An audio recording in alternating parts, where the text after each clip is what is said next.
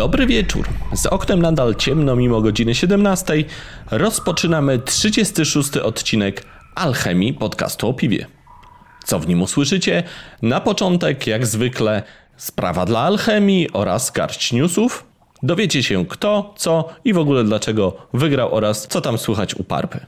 Następnie mój wywiad z dwoma wspaniałymi i niebanalnymi postaciami, czyli laureatem kuźni piwowarów Filipem Giller i szanownym przewodniczącym Komisji Gier i Zakładów Kuźnia Piwowarów, czyli dobrze znanym Juskiem, Józefikiem, Krzysztofem Juszczakiem z browaru Jan Olbrach Rzemieślniczy i Harpagan.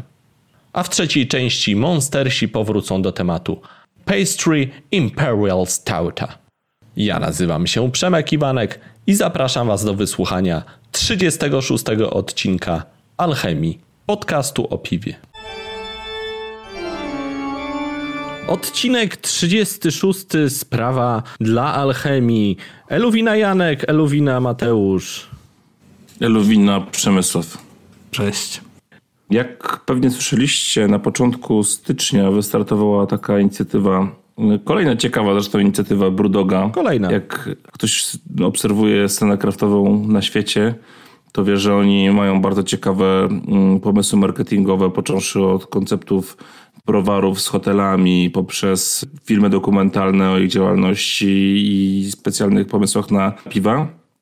Tym razem wystartowali z, w Londynie z y, pubem, multitapem na, uwaga, piwa bezalkoholowe czy niskoalkoholowe o zawartości do 5%, 0,5% alkoholu.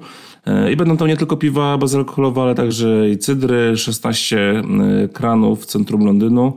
No i tak się zastanawiam, czy jak wy uważacie, czy to jest kolejny chwyt marketingowy, który trochę wypali, przepali się za jakiś czas i Brudok nagle stwierdzi, że im się to nie opłaca i było to wkalkulowane gdzieś w koszty? Czy faktycznie chcą promować taki zdrowy tryb życia bez alkoholu, bo widzą, że jest też nisza e, na rynku i to jest pytanie numer jeden. No i takie pytanie pomocnicze, czy uważacie, że w Polsce, w którymś z dużych miast w ogóle byłaby szansa na taki lokal z, tylko i wyłącznie z piwem bezalkoholowym? To może ja zacznę od drugiego pytania. Ja uważam, że u nas, biorąc pod uwagę to, że multitapy raczej się zamykają, albo przynajmniej w Warszawie od czasu do czasu jakiś multitap się za, zamyka, w większych miastach też się zamykają i generalnie ciężko jest przyciągnąć do siebie ludzi, to myślę, że taki multitap z samym bezalkoholowym piwem u nas nie ma w ogóle prawa, prawa istnieć. I w sumie też dlatego, że jednak postrzeganie Polaków, takich e, ludzi, którzy nie są wkręceni w krafta, jednak to są główni klienci takich multitapów, e, wbrew pozorom. E, ra, raczej oczekują od piwa alkoholu i, i, bierze się to. Wiecie, mam takie przekonanie w społeczeństwie, zawsze pierwsze pytanie, jakie ludzie za, za, pytają piwowarów domowych na przykład, a ile to ma procent? Więc myślę, że tu absolutnie u nas w Polsce nie ma to szans. Nie wiem, jak jest w Londynie, być może to, to ma szansę jak istnienia. Z kuchnią być może tak, natomiast u nas w Polsce myślę, że, że nie ma szans.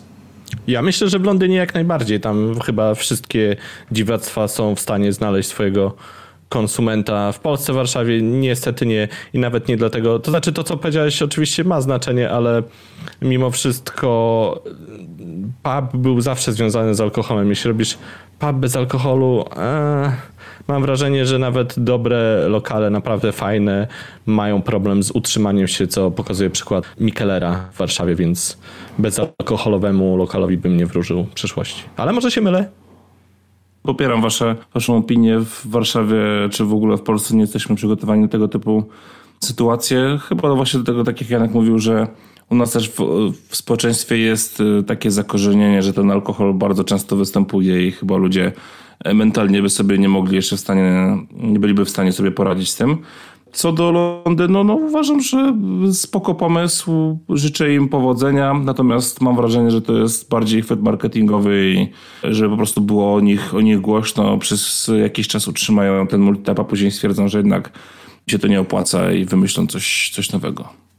No czy marketingowo to na 100%, no zobacz, wszyscy o tym mówią, na przykład my, także marketingowo jak zwykle z Brudok strzela w dziesiątkę. No tak, tylko pytanie, czy to jest tylko jedyna motywacja, czy faktycznie będą chcieli przez dłuższy czas promować tego typu piwa i miejsca, a nie tylko przez jakiś sezon. Zobaczymy, oni pewnie też zobaczą. Ja myślę, że mogą umierać. Alchemia o nich powiedziała, więc mogą umierać. tak jest. Moim tematem jest to, czy jakiekolwiek eventy, albo inaczej, jakie eventy w multitapach mają jeszcze sens, dlatego że dużo osób mówi, że kranoprzęcie sensu nie mają, organizowanie urodzin raczej sensu nie ma, więc e, jak sądzicie, Premiery co? piwa. Premiery piwa też raczej sensu. Zdechły dawno temu. Tak, więc jak sądzicie, czy, czy są jeszcze jakieś eventy, które są w stanie przeciągnąć e, ludzi do multitapów e, i, i co według was e, to mogłoby być? Ja myślę, że tylko urodziny alchemii, które na przykład będą w Cześciu są w stanie 15 lutego, pamiętajcie. 15 lutego, tylko, tylko takie imprezy już, już przyciągają.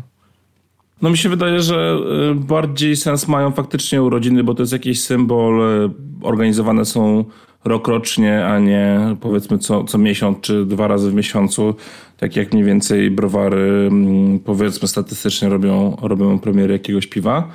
Mm, jeżeli chodzi o urodziny, to fajnie jakby na takiej imprezie były jakieś fajerwerki. Nie wiem, czy my akurat przewidujemy na 15 e, fajerwerki, ale też nie jesteśmy browarem. Janek tutaj ma swój parabrowar tylko.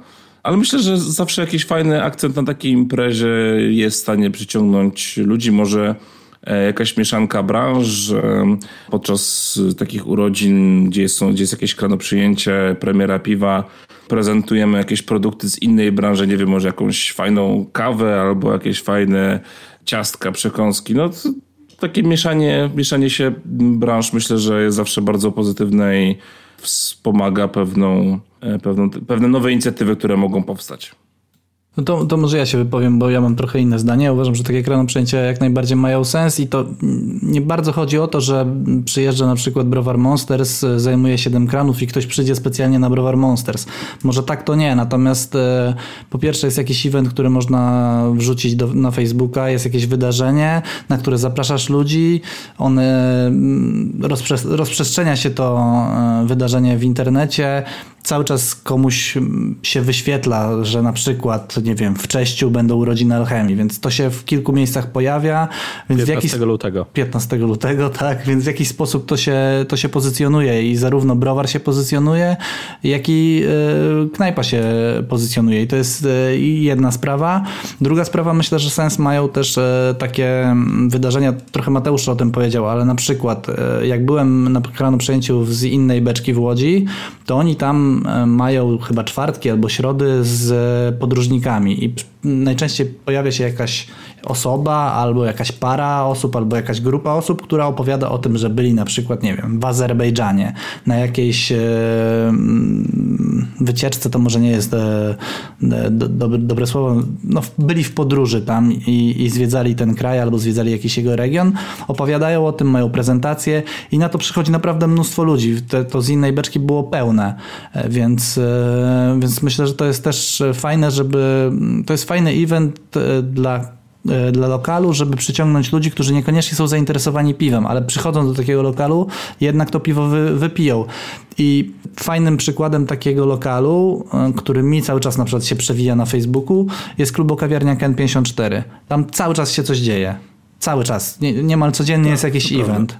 E, I i nawet jeżeli ja na ten konkretny event nie pójdę, to ten Ken 54 cały czas mi się gdzieś wyświetla i pomimo tego, że jest to jednak lokal, który jest lokalem e, skierowanym raczej do, do społeczności Ursynowa, czyli jednej z części Warszawy, nie jest to lokal w centrum, to wydaje mi się, że on się pojawia jednak u ludzi na Facebooku i ludzie kojarzą przez to ten lokal właśnie, że on cały czas się, się mielą jakieś wydarzenia.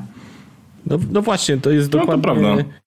Ja się podpisuję pod tym, co mówisz, takie sztampowe, już wytarte krano przyjęć tego typu rzeczy straciły jakby swój żar. Natomiast jak najbardziej sprawdzają się rzeczy kreatywne, nowe, to czego jeszcze nikt nie robił, coś ciekawego, jak najbardziej to będzie się sprawdzać, albo jakieś mini festiwale, tego typu rzeczy. Coś niebanalnego. Myślę, że to może zaciekawić ludzi. Ale takie schematyczne rzeczy raczej już chyba nie. Ja jeszcze powiem, jak to wygląda z perspektywy browaru, bo to też jest dość istotne, bo ja na przykład jadąc, nie wiem, do Wrocławia, do, do jakiegoś lokalu na krano przejęcie, po pierwsze mam okazję się zaprezentować nie tylko ludziom z Wrocławia, ale też beer menadżerom albo właścicielom innych lokali, którzy nie znając mnie często przychodzą, żeby spróbować piwa i, i poznać browar, więc jakby wartość dla browaru jest naprawdę duża. No i to co, to, co mówiłem, że knajpa się wy, wyświetla w newsfeedzie, to jednak browar też się wyświetla. Spójrzcie, jak działa Funky Fluid, który w zeszłym roku po prostu był wszędzie. Oni pra praktycznie co tydzień są w jakim, na jakimś przejęciu, mają jakąś premierę. Cały czas coś się wokół nich dzieje i też myślę, że dlatego, dlatego ludzie ich kojarzą. Tylko biedny no, Michał Manier się nie wysypia ja mam takie przemyślenia moje lingwistyczne, to już drugi raz. Pamiętacie, ostatnio mówiłem o sprawach językowych i znowu mi się ciśnie, znowu mi się ciśnie. Bardzo mi się A, podoba am amerykańskie podejście. Bardzo mi się podoba takie amerykańskie podejście. Kraft się tak wzoruje na Ameryce. Czemu u nas brakuje takiego luzu w podejściu do, do słowotwórstwa? Na przykład komentarze o tym, czy się mówi pastry, czy się mówi pastry, czy się mówi pastry. Myślę, że gdybyście pojechali do Stanów i zapytali kogokolwiek, to by wzruszył ramionami. Jakbyście zaczęli dochodzić, to by powiedział, że I don't give a fuck. Tak naprawdę ich nie obchodzi, jak się to mówi, zupełnie, więc tak się czasem zastanawiam, czy na przykład my, jak mówię my, jako społeczność birgików i w ogóle ludzi zainteresowanych piwem, jak pouczamy innych, żeby na przykład nie mówić stołta albo stautu, portera, porteru, czy to nie jest takie trochę słabe? Potrzebujemy tego, potrzebujemy pouczać ludzi. Później wychodzimy na snobów. Tak, czy nie? No wiesz, Przemku, to ja myślę, że to nie jest kwestia tylko naszego, naszej branży, kraftu, tylko myślę, że to jest ogólnie polska cecha, że po prostu ludzie są w Polsce złośliwi i zazdrośni.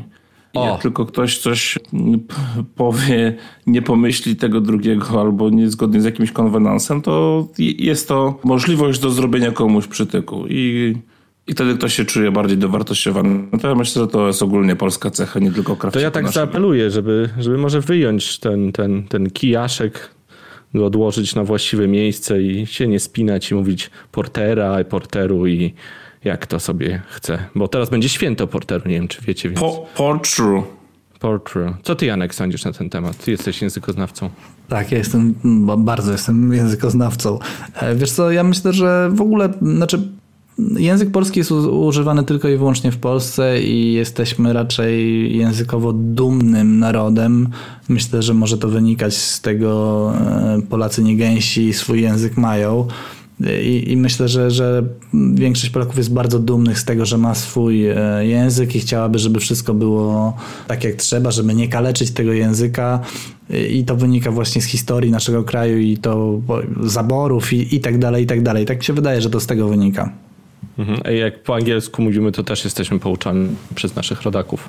Czy mówimy coś niewłaściwie? No to pewnie wtedy wynika e, to z tego, co powiedział Mateusz z naszego Zatem... buractwa. Oj, to już o moc za daleko, Mateuszu. W każdym razie chciałbym łagodząc nastroje, żebyśmy sobie wypili portera, porteru, czy co tam kto sobie życzy. I dziękuję wam bardzo za wypowiedzi. Dzięki. Dzięki.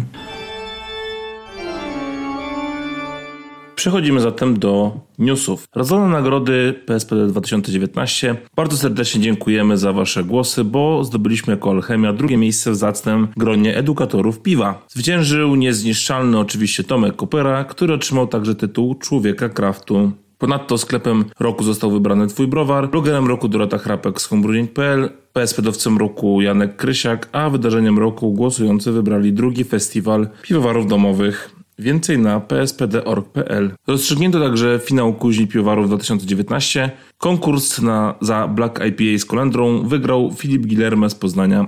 Filip zgarnął główną nagrodę za rok 2019 za piwo uważone w browarze Jan Olbrach Rzemieślniczy, a jednocześnie wybraliśmy kolejnych czterech piwowarów, którzy w 2020 uważą swoje piwo w browarze Jan Olbrach Rzemieślniczy, Waldemar Mutry za niskoalkoholowe IPA, Paweł Tokarski Frutgoze, Bartek Paćko DDH Double IPA i Bartosz Nagiewicz Pastry Stout.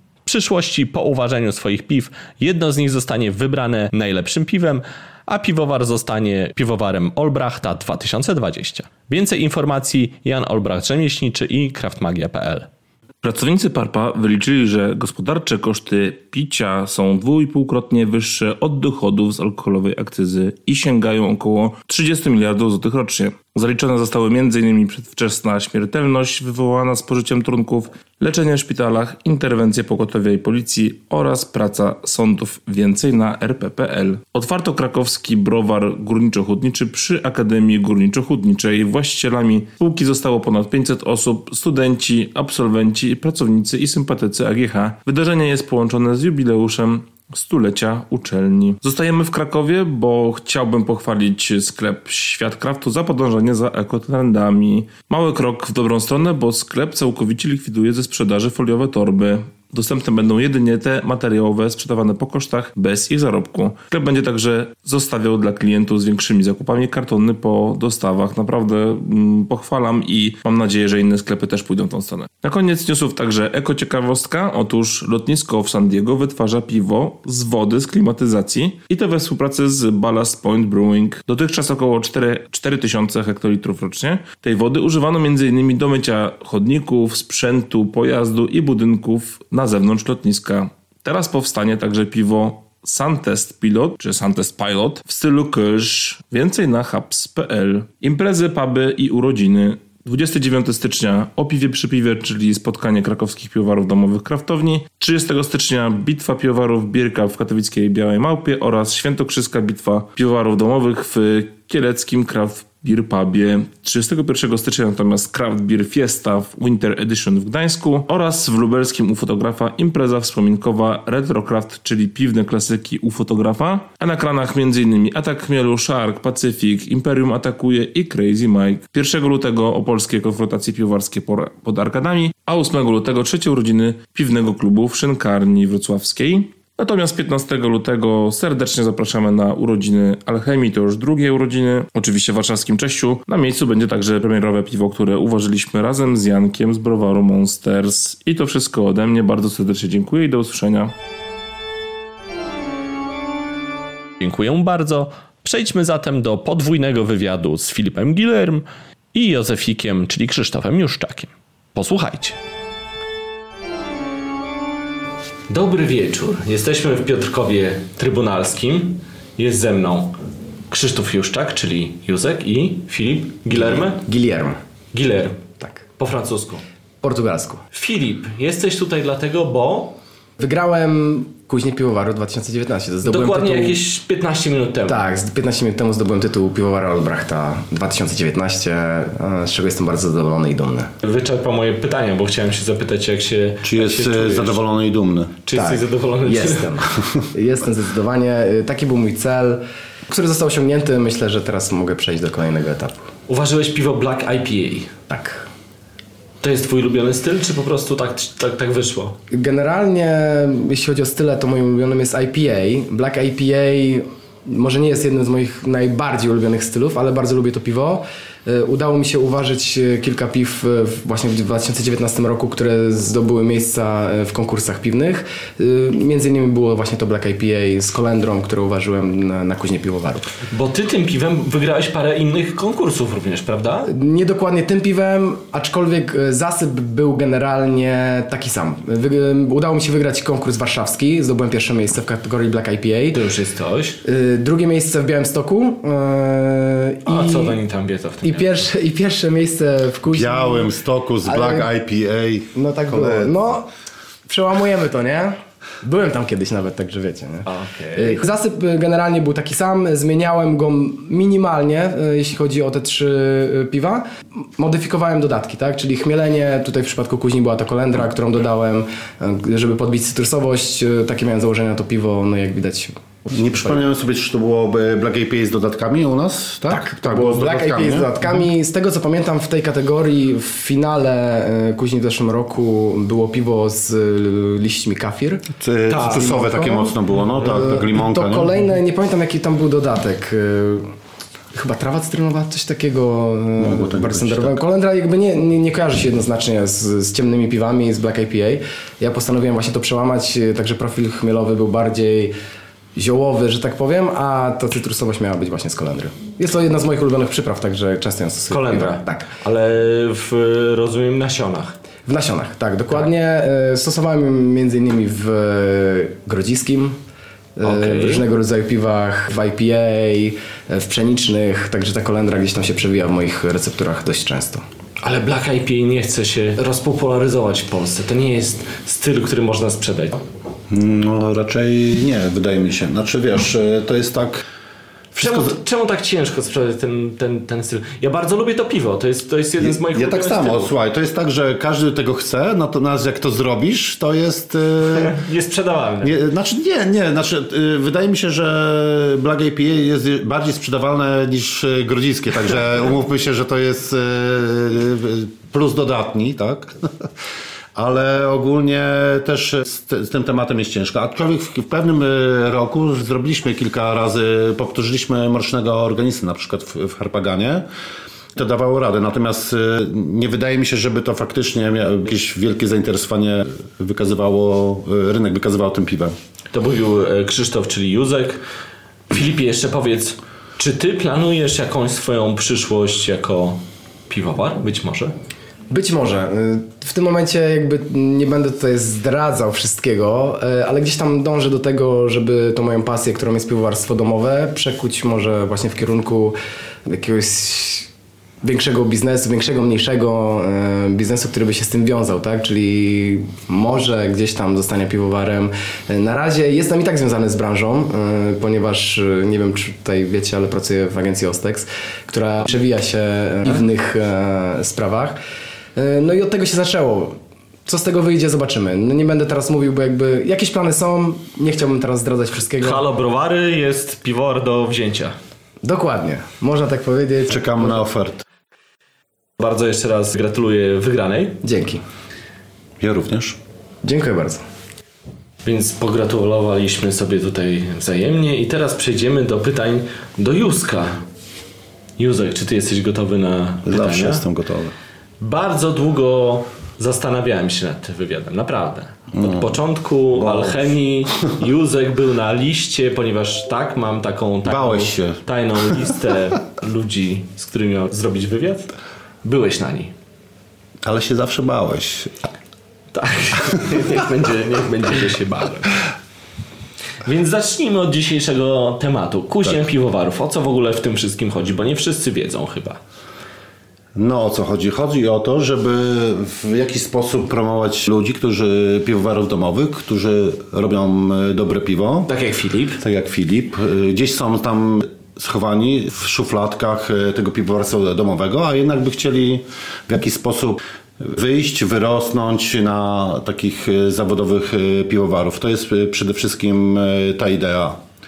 Również nie ukrywam tego, że w jakiś sposób to jest nauka dla mnie, dla Was, pewnie jurorów, bo Bo ja jestem jurorem, muszę powiedzieć. dokładnie, bo to jest też jakaś e, nauka, bo nie można być też e, zamkniętych, e, zam- zamknięty w jakichś e, szufladkach, tak? Zawsze się Zwłaszcza, czegoś... to bardzo szybko się zmienia. Dokładnie, zawsze się, zawsze się czegoś uczysz i, i, i wydaje ci się, że wiesz, posiadłeś wszelkie jakiekolwiek umiejętności i, i wiedzę, a tu się po prostu okazuje, że można coś zrobić lepiej.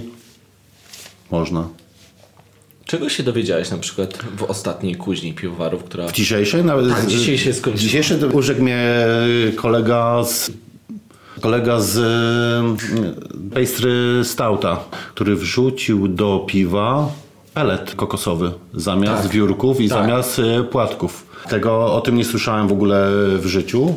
A tu się okazuje, że Słyszałeś Filip o pelecie? Nie, nie słyszałem. Kokosowy? Ponoć No pelet, pelet kokosowy jest dodawany do karmy Aha, jakiejś tam e, zwierzęcej i tak dalej. To jest jakiś odrzut. Jest e, ileś tam razy tańszy od zwykłych takich e, komercyjnych wiórków kokosowych, a daje też sporawy efekt. Nie wiem, nie Ma próbowałem. mniej tłuszczu. I ma, i, tak, zde- zdecydowanie chodzi tutaj o tłuszcz, bo przy wiórkach i płatkach mamy gdzieś około 60% tłuszczu, a ponoć w tym pelecie to już jest gdzieś w granicach 14%. Także to mnie zaskoczyło dzisiaj ta informacja. Nie wiem, czy ją wykorzystam, ale po prostu też y, jestem mega zaskoczony, że ludzie po prostu takimi rzeczami się interesują. Te- Wiesz, w ogóle y, ten konkurs mega ewoluował y, przez te lata, bo kiedyś było sztuką przywieźć dobre piwo, coś o nim opowiedzieć. Nie wiem, wydaje mi się, że teraz to, to piwowarstwo domowe mega się rozwinęło, bo Bardzo. ludzie modyfikują wodę, mają jakieś super garki, tak, y, pH. Kiedyś, kiedy ja to robiłem, tam nie wiem, 2006-2007 zaczynałem, kto o tym wiedział, tak, to nie, nie, nie było w ogóle możliwości sprawdzenia takich rzeczy, a tutaj się nagle okazuje, że można. Słuchaj, dzisiaj dostaliśmy piwo, które jest kopią ciasteczek Reese. Tak. Stout, który jest kopią ciasteczek Peanut Butter Reese. Człowiek to zrobił i one rzeczywiście smakują jak te ciasteczka. To jest niesamowite. Tak. Że można robić takie rzeczy. To jest, to jest w ogóle, wiesz, inny poziom. Tak, tak, to Myślę, prawda. że nie jeden browar rzemieślniczy w ogóle się nie zbliża do tego poziomu, który... Przypomniałeś mi o tych ciasteczkach, bo mówiłem, że ich nigdy nie jadłem. Aha. Natomiast one są e, w lodach. Te ciasteczka są w pewnych może. lodach. E, Tak, To tak, są tak. takie amerykańskie ciasteczka Tak, z tak, tak. masłem. Czekolada i w środku Tak, nadziewana, tak? Ja miałem Tak, okazję tak, jeść tak. i rzeczywiście są, mają taki bardzo specyficzny właśnie peanut butter. Wracamy do historii. No więc skąd wziął się piwny Józefik? Boże, to już daleko Prehistoria. Nie pamiętam. Twoje pierwsze piwo. Nie, no też nie pamiętam, co ty. Znaczy moje pierwsze piwo na pewno było z jakiegoś, z jakiejś puszki, bo y, wydaje mi się, że to jest tak, że y, ja o piwowarstwie domowym myślałem w momencie, kiedy y, zaczynał, nie wiem, Ziemek, Andrzej, sadownik Andrzej Smyk. Oni pewnie już to robili, natomiast ja nigdy do tego tematu nie podszedłem w ten sposób jak oni, że mieli jakąś tam bazę i, i chcieli to piwo, wiedzieli jak to zrobić. Ja zaczynałem od ekstraktów słodowych, od zwykłej puszki, także... Większość tak zaczynała. Ja też. Tak, tak, że y, mój start w piwowarstwie był bardzo szybki, bo dostałem na gwiazdkę zestaw do piwowarstwa. Zrobiłem w pierwsze święto to piwo. Wydaje mi się, że W 2000 y, piątym pewnie, piątym albo szóstym, nie, nie pamiętam. Zrobiłem to piwo. Wydaje mi się, że w Sylwestra zdążyłem już je wypić. znaczy nie, no, nie przesadzajmy, ale, ale tam proces, wydaje mi się, że po dwóch tygodniach ono już było y, dla mnie gotowe do, do, do picia i na urodziny mojej córki to już częstowałem y, rodzinę. Pamiętasz jak się nazywało twoje pierwsze piwo? Miało nazwę? Nie, chyba nie, to już było ten, ale posłuchaj mnie, bo to jest y, Okej. mega, mega, mega dobry moment, bo w momencie jak zrobiłem to pierwsze piwo, włożyłem je do fermentora, zobaczyłem sam proces fermentacji, zobaczyłem jak te drożdże startują, jak się ta robi piana. W okresie między Sylwestrem, e, między świętami a Sylwestrem zdążyłem zamówić już następne cztery zestawy puszek i cztery zestawy fermentorów. Już wtedy wiedziałem, że to jest kurde zajebiste. A po miesiącu to już normalnie miałem garki, ważyłem, wiesz, normalnie piwo zacierane, pilsy, ajpy, belgi i to już było, wiesz, to już pochłonęło mnie do, do, końca, tak, dokładnie. Nie nadawałeś piwom swoich nazw? Nadawałem, moja córka nadawała, ja nadawałem, to wiesz, to było ten, ale to tego już y, nie, pamiętasz. nie, nie. Więc mówisz, że to były połowa lat 2000, tak? Około 2005-2006. I co się stało dalej? Bo ja tu widzę takie rzeczy, że tu jakaś birofilia, jakieś nagrody odbierasz, jakieś takie zdjęcia. Wiesz co, znaczy, nie, mój, mój, Andrzej Sadownik ci rękę uściskuje. mój, tak, poznanie Andrzeja Strownika to już w ogóle jest, wiesz, zaszczyt i mega y, historia. Festiwal Birofilia. Tak.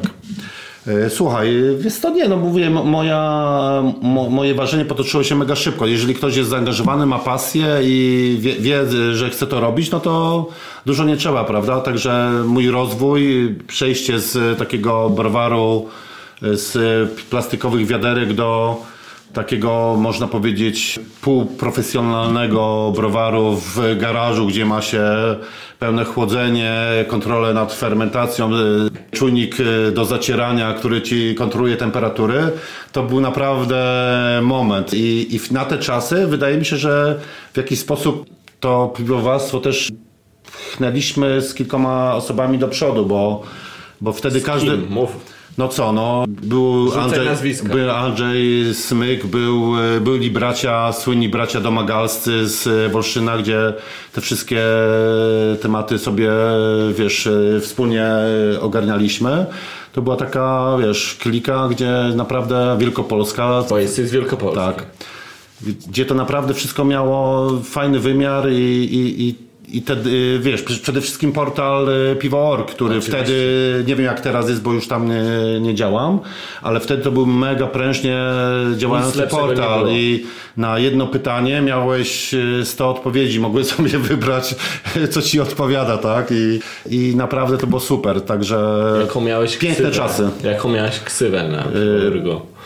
Josefik? Ja kojarzę chyba tylko y, tą miniaturę, gdzie miałeś z y, Inkwizycji. To była twoja, czy nie? Tak, tak, tak, tak. Tak, bo Josefik generalnie- to jakiś tam... Ja zacząłem ważyć e, niecałe 6 lat temu, ponad 5 lat temu i generalnie trafiałem na różne właśnie receptury Józefika. Archiwalne. Tak, archiwalne, gdzie tam były opisane, że a dzisiaj Józefik wstaje, widzę, że coś się krząta, coś tam robi. W ogóle ten browar twój, Tak. który wtedy miałeś, on był, miał kamerkę Tak, i normalnie można pierwszy- było pierwszy- sobie, gdzie ja już w tych czasach tam powiedzmy w 2015-16 roku trafiałem jeszcze na śladowe informacje o tym, że tak było, ale już tych całych relacji, filmików to już, już tego nie było na, na serwerach, ale generalnie wszystkie receptury, tam około 200 ponad y, chyba receptur, y, które ty zrobiłeś, wszystko to jest spisane, można to Tak, tak. Nie, zobaczyć. nie usunąłem te, tego, tam jest, skończyłem to, to notowanie chyba na, nie wiem, na d- dwie- 212, 220 Tak, warce, 212, nie pamiętam tego, tego było sporo. Ale kluczowym było to właśnie, że, że w jaki sposób to się tak rozwinęło, że z racji jakiegoś znaczy swojego zawodu, który wykonywałem, y, byłem informatykiem, Założyłem kamerę online w browarze w garażu, która umożliwiała jakby podgląd, ale też manewrowanie tą kamerą. Także wchodząc do garażu widziałem, że wiesz, oko. Przesuwało się. Tak, oko się przesuwa i e, ktoś mnie Czyli nie tam nie ty obserwuje. Tak. przesuwałeś tą kamerę, tylko ludzie tak, ludzie mogli sobie tam e, sobie. manewrować. Tak. Ja mam napisane, że birofil. Birofil, tak, no bo moja kariera w sumie. Kapslarz. Józek, wiesz. Kapslarz nie, Boże, no. nie, nie przesadzajmy. Wiesz, wiesz, czym się kojarzy kapslarze? No wiem, no z tym co mi teraz nie, nie, nie za bardzo mam czas, żeby im się odwdzięczyć za to, co oni dla mnie zrobili. Ale e, ogólnie tak, moja, Tłumacz się, byłeś birofilem. moja kariera, słuchajcie, ja byłem w, na birofiliach w Żywcu. Chyba nie było e, jeszcze tam konkursu piw domowych, bo, bo tam zacząłem w 2003 czy w 2004 jeździć na birofilię do Żywca.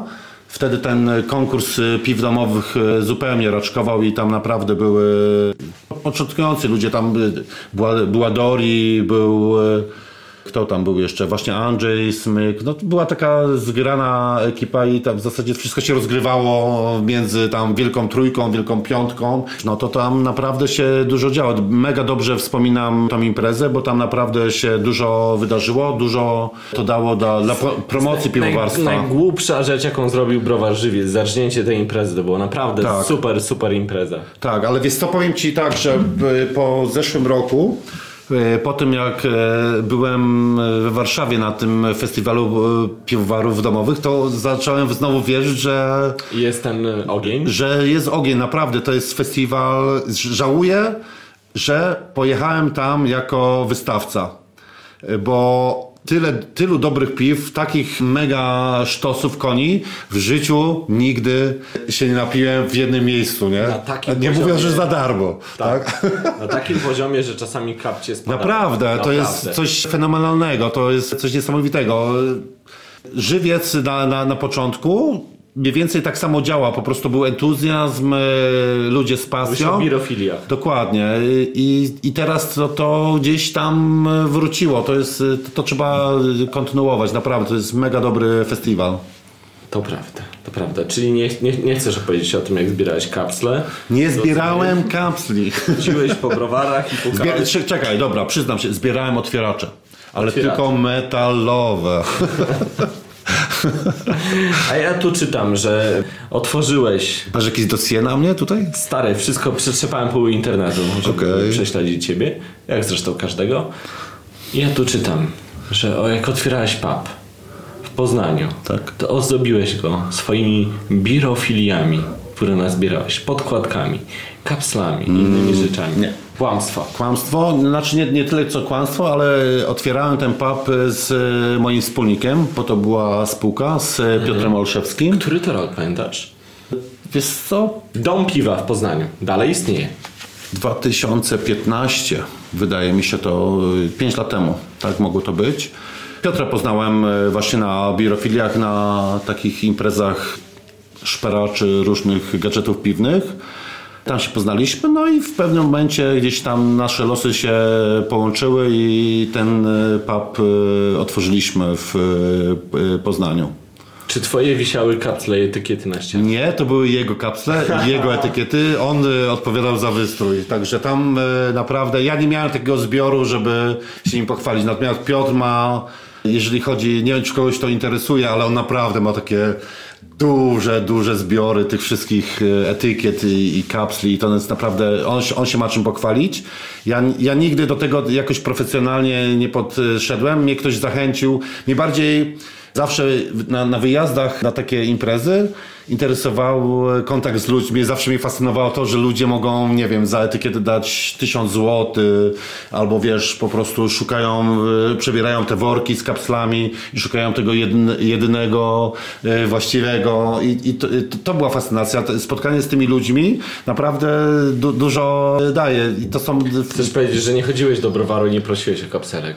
Nie, nie. Dlatego też nie rozumiem teraz, y, do, do końca nie spełniam jakby oczekiwań tych ludzi, którzy piszą do mojego browaru i, i proszą o kapsle, no bo... Wysyłasz im czy nie No wysyłasz? nie, no nie wysyłam, nie wysyłam. Etykiet też nie. Nie, nie, no w ogóle nie wysyłam, bo nie mam na to czasu. Natomiast jeżeli się e, gdzieś e, e, z, z kimś spotkam na jakiejś imprezie piwnej, na jakiejś giełdzie, znaczy na giełdzie nie, ale na festiwalu piwnym, na, na targach piwnych, to jeżeli takiego e, człowieka poznam, e, który, z którym gdzieś tam k- przebywałem, no to ma open bar, prawda? Etykiety za... Etykiet z piwem oczywiście razem. To jest reklama. To jest reklama. No dobrze. Zaczęłeś jako piwowar domowy, mam napisane browar domowy pod starą pipą. Tak. Tak zacząłeś. Tak, to było trochę może kontrowersyjne, ale też z drugiej strony nie. Gdyż Gdyż stara pipa to stara pipa, prawda? To jest element y, dekoracji mojego browaru, który miałem właśnie z y, tych naleciałości z, z bieractwa, z birofilii. Y, To jest po prostu kran z pompą, pipa, czyli rurka. Tak, pipa, czyli rurka z pompą, która wrzucana była, wbijana Gęsi, gęsi pipek to była gęsia szyja na przykład. na przykład. Więc niekoniecznie. Gęsi pipek nie, ale, ale stara pipa, czyli sta, stara, stara rura. Nikogo nie obrażając, chodziło, o, chodziło tylko O rurę. o rurę, która e, była wbijana do beczki, e, z, z której potem pompowano piwo. Miedziana, nie, to nie było miedziane, to było mosiężne. Przepraszam, tak. Tak, mam ją do dzisiaj, tak. I to Ten było... browar jeszcze istnieje. Nie zarzucił działalności. Nie zarzucił, w w zeszłym roku nawet odnowił. Czyli które już dwudziestolecie byłoby?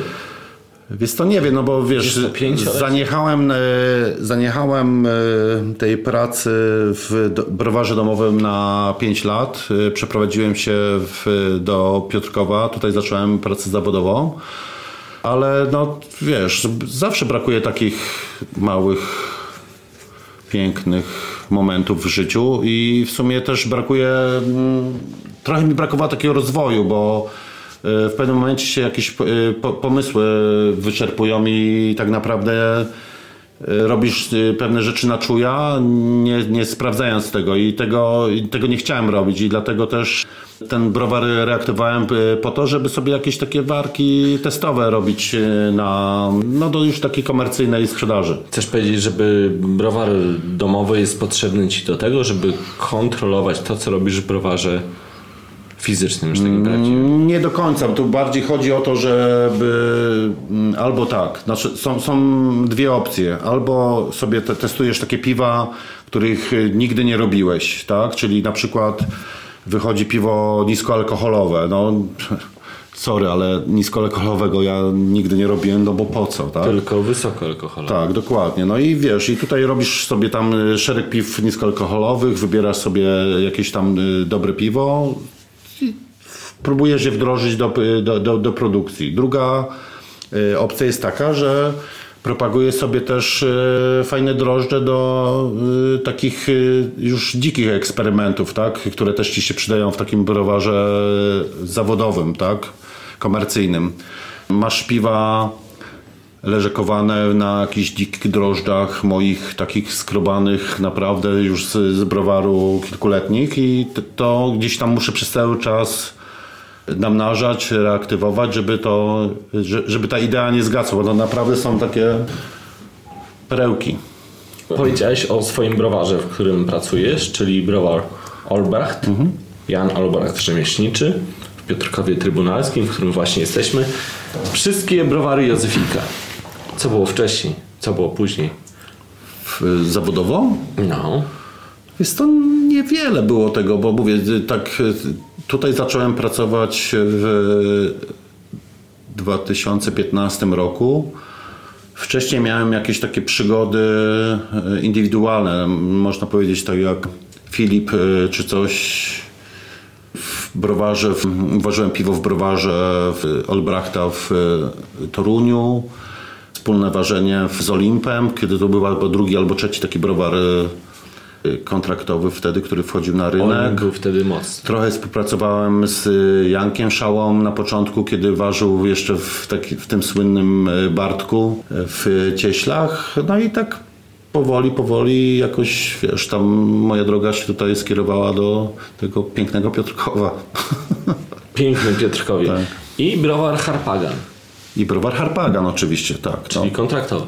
Tak. I parabrowar można powiedzieć. Parabrowar, który jest jednocześnie równolegle z browarem Jan Olbracht Rzemieślniczy. Tak, no teraz y, za, zawęziliśmy, że tak powiem, z, y, obszar i, i skalę działania i w, zaczynaliśmy z Harpaganem w Kamionce. Przeszliśmy potem do Szczyżyca, no i teraz w zasadzie 90% piw ważymy tutaj na miejscu. Ja pilnuję tego, to jest wszystko moja wina. E, Robimy to w e, Olbrachcie w e, Piotrkowie. Nie ma problemu z tym, że jesteś w Olbrachcie i w Harpaganie. Nie, nie, nie, nie, zupełnie nie. Tak, znaczy, taka była umowa, że ja nigdy nie ten zabrze- powiedziałem, że nigdy nie zaprzestanę tej mojej pracy tutaj w Olbrachcie, a chłopacy się na to w jakiś sposób zgodzili. I Olbracht też nie miał nic przeciwko. Też nie. Ale to oczywiście trzeba było o tym wszystkim porozmawiać. Wrócimy jeszcze do domu piwa. Oczywiście. Ile lat prowadziłeś tą knajpę? Wiesz co, wydaje mi się, że byłem tam y, dwa lata i w momencie jak y, po, powstała ta idea z y, mm, Harpaganem, trwało to jeszcze jakoś pół roku, ale stwierdziłem, że pff, nie jestem w stanie Za już, dużo? No, za dużo zdecydowanie. Ja już teraz ograniczam wszystko, co, co mogę, ale wtedy powiem Ci, że jeśli ja nie, nie, nie, nie zszedłem w tym momencie, to uznaję to jako cud. Po prostu mój cały tydzień był y, podporządkowany, można powiedzieć, piwu. Tak? Tutaj ważyłem, tam jechałem sprzedawać, y, wracałem tutaj. To, był, to, był, to, to, to było naprawdę. Znaczy, nie, nie, nie powiem, że to było złego, ale wtedy jeszcze miałem na to siły, ale na, na wiele mi to nie starczyło. Na, na, wydaje mi się, że, że, że nie można się tak jakoś y, spalać y, i. i Wziąłeś sobie za dużo na głowę. Za dużo, za dużo zdecydowanie. Ale jednak, zobacz, wyłączyłeś sobie pub, a zostawiłeś sobie browar, bo Tak. posiadanie własnego pubu to jest takie jedno z marzeń, nie wiem czy wiesz, ludzi. Pracujesz na etacie, myślisz sobie, kurczę, ale fajnie było mieć własny pub. A drugim marzeniem jest, kurde, ale by było fajnie mieć własny browar. Pytasz, co jest lepsze? dawaj, dawaj Józek. Wiesz co, z perspektywy czasu wydaje mi się, że lepsze jest prowadzenie pubu. A nie da się tego jakoś połączyć? E, Da się, da się naprawdę, spoko się da, natomiast w tym momencie, znaczy wiesz, to się też zmienia, e, zmie- zmieniają się, zmienia- się rynek, prawda? I, i to jest uzależnione. Kiedy ja rezygnowałem z e, pubu, browary kontraktowe świszczały, tak? I można było powiedzieć, że to był e, zajebisty biznes. Teraz jest trochę inaczej, ale wydaje mi się, że też te puby też nie do końca, y, znając historię z drugiej strony, tak? Mając na uwadze, nie wiem, jakieś należności, płatności i tak dalej, wydaje mi się, że to też nie do końca jest temat, który, którego ja nie dostrzegałem 5 lat temu, tak? Y, zak- Zakładając ten pub. Y, I tutaj niczego oczywiście nie żałuję, no bo to była moja decyzja i, i naprawdę ona była dobra. Wydaje mi się, że dla mojego rozwoju to było chyba zdecydowanie lepsze. Wolałem spędzać czas ważąc piwo i niż sprzedając piwo w pubie i tyle. To od innej strony. Czy to jest łatwy kawałek chleba, żeby mieć własny pub, tak jak ludziom się marzy? Pracuję od 8 do 16, ale bym to wszystko rzucił i zajął się prowadzeniem pubu. Y, Ha, to wszystko zależy od tego, jak trafisz, tak? Jaka jest to inwestycja, jak próbujesz ten pub rozprakować, w jakim Czy jesteś ty byś miejscu. to doradzał, Józek? Czy ty byś powiedział człowiekowi, rzucaj to i otwieraj własny pub? To wszystko zależy od miejsca, od miejscówki. To albo masz, wiesz, to, to, to A. chodzi. Nie. nie, nie. Nigdy w życiu nie jestem, nie, nie, nie powiem ci tego, żeby, żeby, wiesz, miałem jakiś taki wykład nawet gdzieś tam na jakimś e, warszawskim wysypie, o, zakładajcie puby, bo to jest zajebiste i coś takiego. I tam, wiesz, był Marcin. nie. Nie, właśnie nie, bo wtedy było e, fajnie. Natomiast teraz zobacz, ile się pubów zamyka. Zobacz, to jest, to jest tak, jak to, rynek się też jakoś e, zmienia i to, to trze- trzeba być czujnym. Jeżeli tego nie obserwujesz, nie idziesz e, Nie ma duchem, stałości na pewno. Nie ma, nie ma, zdecydowanie nie ma. To jest niestabilne.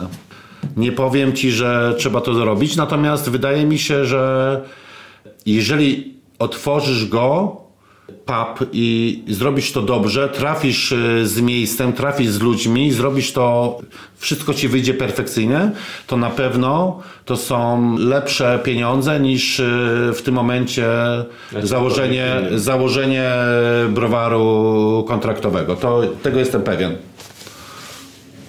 Ale jest to trudne. Ale to jest mega trudne. To mega trudne jest wszalenie się w y, ten rynek. Tak.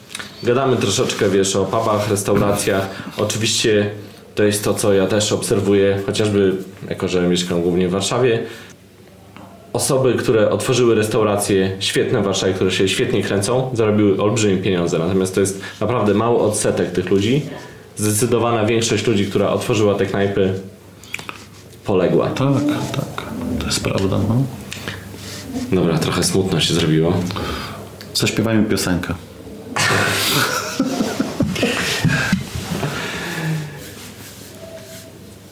Jak duże korzyści czerpiesz z browaru Harpaga? To jest podchwytliwe pytanie, wiesz o tym. Nie wiem, czy mogę o tym mówić. Ja też nie wiem, więc opowiedz. Nie, wydaje mi się, że to nie jest y, temat e, na Dobrze, inaczej.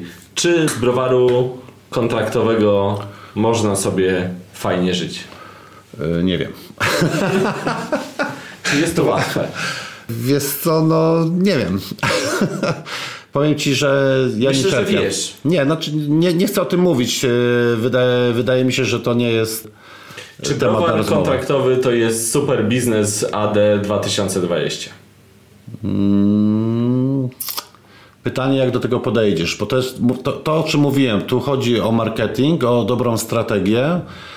Czy łatwo zyskać na mar- Nie, zdecydowanie nie. Zdecydowanie nie. Zdecydowanie. To jest, można powiedzieć, działasz jak meteoryt, tak? Nie wiadomo, czy się spalisz y, w stratosferze, czy spadniesz, to jest... A jakie są szanse na to, żebyś wygrał, a jakie są szanse na to, żebyś egzystował? Wszystko zależy gdzie, jak i jak do tego podejdziesz. Od, nie wiem, od źródła, Boże. Ale on się wykręca. Widzisz Filip, jak on się wykręca, jak on się wije. Trochę się wykręca, ale myślę, że Znaczy chcę ci powiedzieć, dobrze, chcę ci powiedzieć, że, że ja na tym browarze w tym momencie może nie zrobiłem e, nic, tak? Ale też nie straciłem.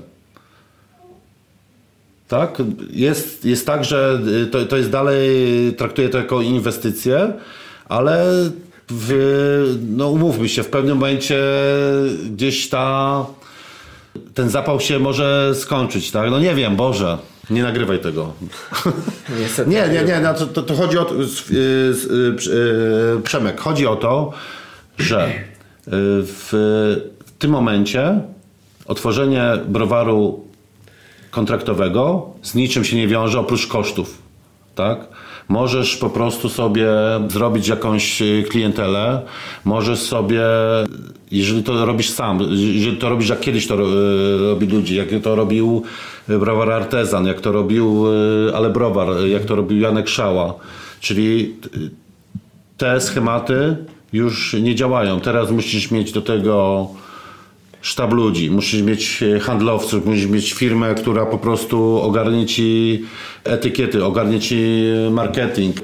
Do tego dochodzą takie koszty, że to, jest, to, to się stał taki zwykły biznes, który, który nie wiem, możesz również sprzedawać dobrze e, płyty jakieś chodnikowe w jakimś mieście. Ja się z tym zgodzę i uważam, że masz dużo racji, aczkolwiek sam produkt y, również musi się bronić, tak? Tak. Nie może być tak, że Znaczy- masz, masz super marketing. Generalnie chodzi o to, że musisz ze wszystkim trafić w punkt, tak? Teraz już są takie czasy, że tych browarów y, jest dosyć dużo, bardzo dużo nawet, y, w porównaniu z tym, co kiedyś było, bo jak ja zaczynałem się interesować craftem przy pierwszych ale browarach, czy przy pierwszym ataku chmielu, to byłeś w stanie wypić wszystkie premiery w miesiącu, jakie są. Teraz nie jesteś w stanie wypić wszystkich premier, które się pojawiają w ciągu dnia. Także ten rynek się bardzo rozwinął, jest bardzo dużo browarów i żeby zaistnieć, to po pierwsze musi się bronić produkt, a po drugie jednak musisz mieć to zaplecze, tak jak e, Józek tu wspomniał, i marketingowe. No i przede wszystkim nie, nie możesz sobie pozwolić na e, jakieś błędy, które wiesz, od razu cię dyskwalifikują. Tak, Kiedyś można sobie było pozwolić na, nie wiem, na jakieś pierwsze piwo z diacetylem, coś tam, coś tam fajne, ale coś tam czekamy na was, zróbcie następne lepsze. Teraz już czegoś nie. takiego nie ma. Teraz po prostu wypuszczasz e, zły produkt i po prostu jesteś e, tym bardziej pierwszy, tak? Były takie e, kilka przykładów browarów, które sobie z tym nie poradziły i jesteś zmieciony po prostu, no bo... No, I znikasz. I znikasz, no dokładnie. Zadam pytanie kolejne, na które możesz gdybać, ok? Okej. Powiedziałeś o tym, że nie zarobiłeś ani złotówki na harapaganie, zapytam cię dalej. Czy uważasz, że jesteś jedynym browarem, który nie zarabia w tym momencie na krafcie? Bo, to Nie. jest, bo to jest rzecz bardzo kontrowersyjna. Nie wydaje mi się. Krótko mówiąc, chcesz powiedzieć, że jest takich browarów więcej, tak czy nie? Wydaje mi się, że w, w ten sposób działających pasjonatów jest, e, jest, jest, jest, jest kilka jeszcze takich browarów. Myślę Tak. właśnie, że to słowo pasjonatów jest bardzo ważne, no bo to są Którzy chcą i niekoniecznie muszą i się Dokładnie. nie zniechęcają do tego i czekają na, na tą e, niszę, która jeszcze przyjdzie. Bo wiecie, chłopaki, my to wiemy.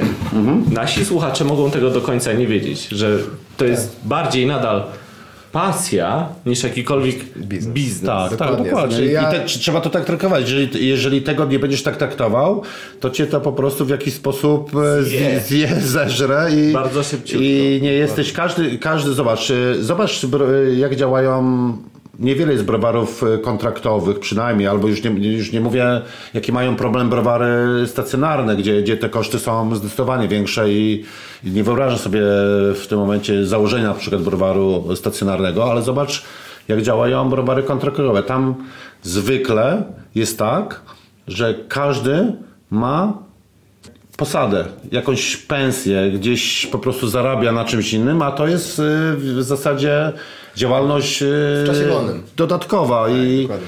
i to, to jakby pozwala tym browarom funkcjonować y, i to nie chodzi nawet o to, o rentowność tych browarów, tylko tu, tu jest mega dużo wspólnych, jak to nazwać? Boże, chodzi mi o to, że tyle czynników wpływa na to, że, żebyś y, mógł zaistnieć w tym browarze, że nie masz w zasadzie pewności, że, że tak będzie. No, płatności przede wszystkim, tak? To jest, to jest coś, co kuleje w tej branży. Znaczy w każdej podejrzewam, ale tutaj to jest... y, zdecydowanie- dramatycznie źle. Jest, jest dramatycznie źle. i- Mówimy o tym, że pieniądze nie spływają z powrotem do Dokładnie, i- Bo i- nie płacą puby, hurtownie, odbiorcy. Dokładnie. I dlatego y, pamiętasz moje słowa poprzednio, kiedy ci mówiłem, że lepiej założyć jednak pub niż e, browar, bo jesteś tym ostatnim ogniwem, które po prostu ono tu płaci po prostu. A nie czeka na pieniądze. tak, dokładnie, nie? A pieniądze dostaje wprost. No, y, znaczy wiesz, no nie, nie chcę nikogo tam y, obrażać i w jakiś sposób ten problem uzewnętrzniać, ale naprawdę Nie jest jesteś tak. pierwszym, który mówi o tym. Ale, ale jest tak, że, że naprawdę z tym są, e, z płatnościami, z płynnością finansową e, jest, e, jest problem w tej branży. No. Ja akurat do, dobrze trafiłem, że mimo wszystko mi się udało to jakoś połączyć, bo pr- pracuję w browarze, tak, ważę piwo codziennie, stoję na warzelni, zajmuję się jakimiś tam innymi rzeczami. Mam te, te dwa browary, można powiedzieć, bo odpowiadam za, e, za Olbrachta i za Harpagana i powiedzmy, że to jest dla mnie satysfakcjonujące. Natomiast jakbym miał mieć, e, być e, tylko mm, udziałowcem browaru Harpagan albo być tylko w pracy w browarze Olbracht, to, było dla mnie w jakiś sposób nudne. Tak? Coś trzeba robić. Każda inicjatywa jest dobra. Przejdziemy teraz do mojego przedostatniego pytania. Mówiliśmy o rzeczach wesołych, zabawnych tutaj. I smutnych też. Nie, no wesołe tam płatności i tak dalej. Teraz przejdziemy do rzeczy poważnych. Hmm? Znasz ustawę o wychowaniu w trzeźwości i przeciwdziałaniu alkoholizmowi z 1982 roku. Słyszałem o niej. Stan wojenny, pamiętasz? Mm, ja Czasy? tak. Ona, nie wiem czy wiesz, określa, wypisałem sobie, zasady działania i kompetencje Państwowej Agencji Rozwiązywania Problemów Alkoholowych oraz reguluje możliwości płatnej reklamy piwa, w których zawarta jest taka rzecz, że na przykład nie możesz wywoływać skojarzeń związanych z atrakcyjnością seksualną, relaksem, wypoczynkiem, nauką, pracą lub sukcesem zawodowym lub życiowym. I teraz ja się chciałem zapytać, jak to wszystko kojarzy się z twoim Józek wizerunkiem? Że jestem taki fajny, tak? Jesteś fajny, zabawny, cieszysz się. Jak to w ogóle, dlaczego działasz wbrew ustawie całe życie? Że już dawno powinienem siedzieć. Nie Powinieneś być smutny, powinieneś być nieudacznikiem życiowym bez pracy, powinieneś w ogóle ustawiać wszystko co najgorsze, bo tylko takie rzeczy mogą kojarzyć się z alkoholem w naszym kraju. Powiem ci tylko tyle, Przemek, że do tego momentu się nigdy na tym nie zastanawiałem i teraz w, w zasadzie mi dowaliłeś i ja nie będę mógł spać. Czy ty wiesz w ogóle, że działasz wbrew ustawie? No właśnie, do, do dzisiaj w sumie nie. Niby wiedziałem, ale nie wiedziałem, że, że to jest aż tak, że aż to, to tak jest źle. poważna sprawa, moim zdaniem. Nie no, wiesz, nie, nie, nie, można, nie można szaleć. Jeżeli by człowiek był e, w jakiś sposób e, sztywny i, i smutny, Dlaczego no to, ty jesteś taki wesoły, Józek? Dlaczego to, to w ogóle cały optymizm, w ogóle radość? i Dlaczego tak? bo to kocham to, co robię. To jest podstawa, tak? Kocham robić Ale, piwo. ale nie możesz, proszę bardzo, z pracą, nie możesz, z sukcesem zawodowym nie możesz No to nie, muszę zostać aresztowany, tak? Aresztuj mnie. Czy mogę, czekaj, gdzie jest numer do parpy? Nie wiem, Boże, no, skupmy się na tym, co, co robimy. No, Czy nie jesteś odpowiadam. atrakcyjny seksualnie? Ja się ciebie pytam jeszcze, bo tu jest, Nie to mam, też jest zapisane nie mam ustawie. pojęcia, nie mam pojęcia. Nie mam pojęcia. Jeśli słuchają nasze jakieś fanki, co jest wątpliwe, to ich zapytamy, czy Józek się kojarzy z atrakcyjnością Dobrze, powiedziałeś funky. Uff. funky fluid. Halo, panie Langier. Halo Michał, czy ja ci się podobam? Czy, czy to może być dobre zakończenie naszego dzisiejszego tak, tak, tak, tak, tak. Dziękuję Ci bardzo, Filipie. Dziękuję, Dziękuję. Ci bardzo, Krzysztofie zwanym Juskiem. Dzięki. Kończymy na tym. Było wywiad miło, bardzo do dziękuję. Alchemii podcast. Mam nadzieję, że połowę wytniesz. Wytnę 3 czwarte. Dzięki. Cześć. Gdy wywiad dobiegnie końca, nasze uszy kierujemy w kierunku laboratorium, w którym Janek i Olek próbują odkleić się od stołu, do którego przykleili się podczas ważenia Pastry Imperial Stouta. Przejdźmy zatem do laboratorium.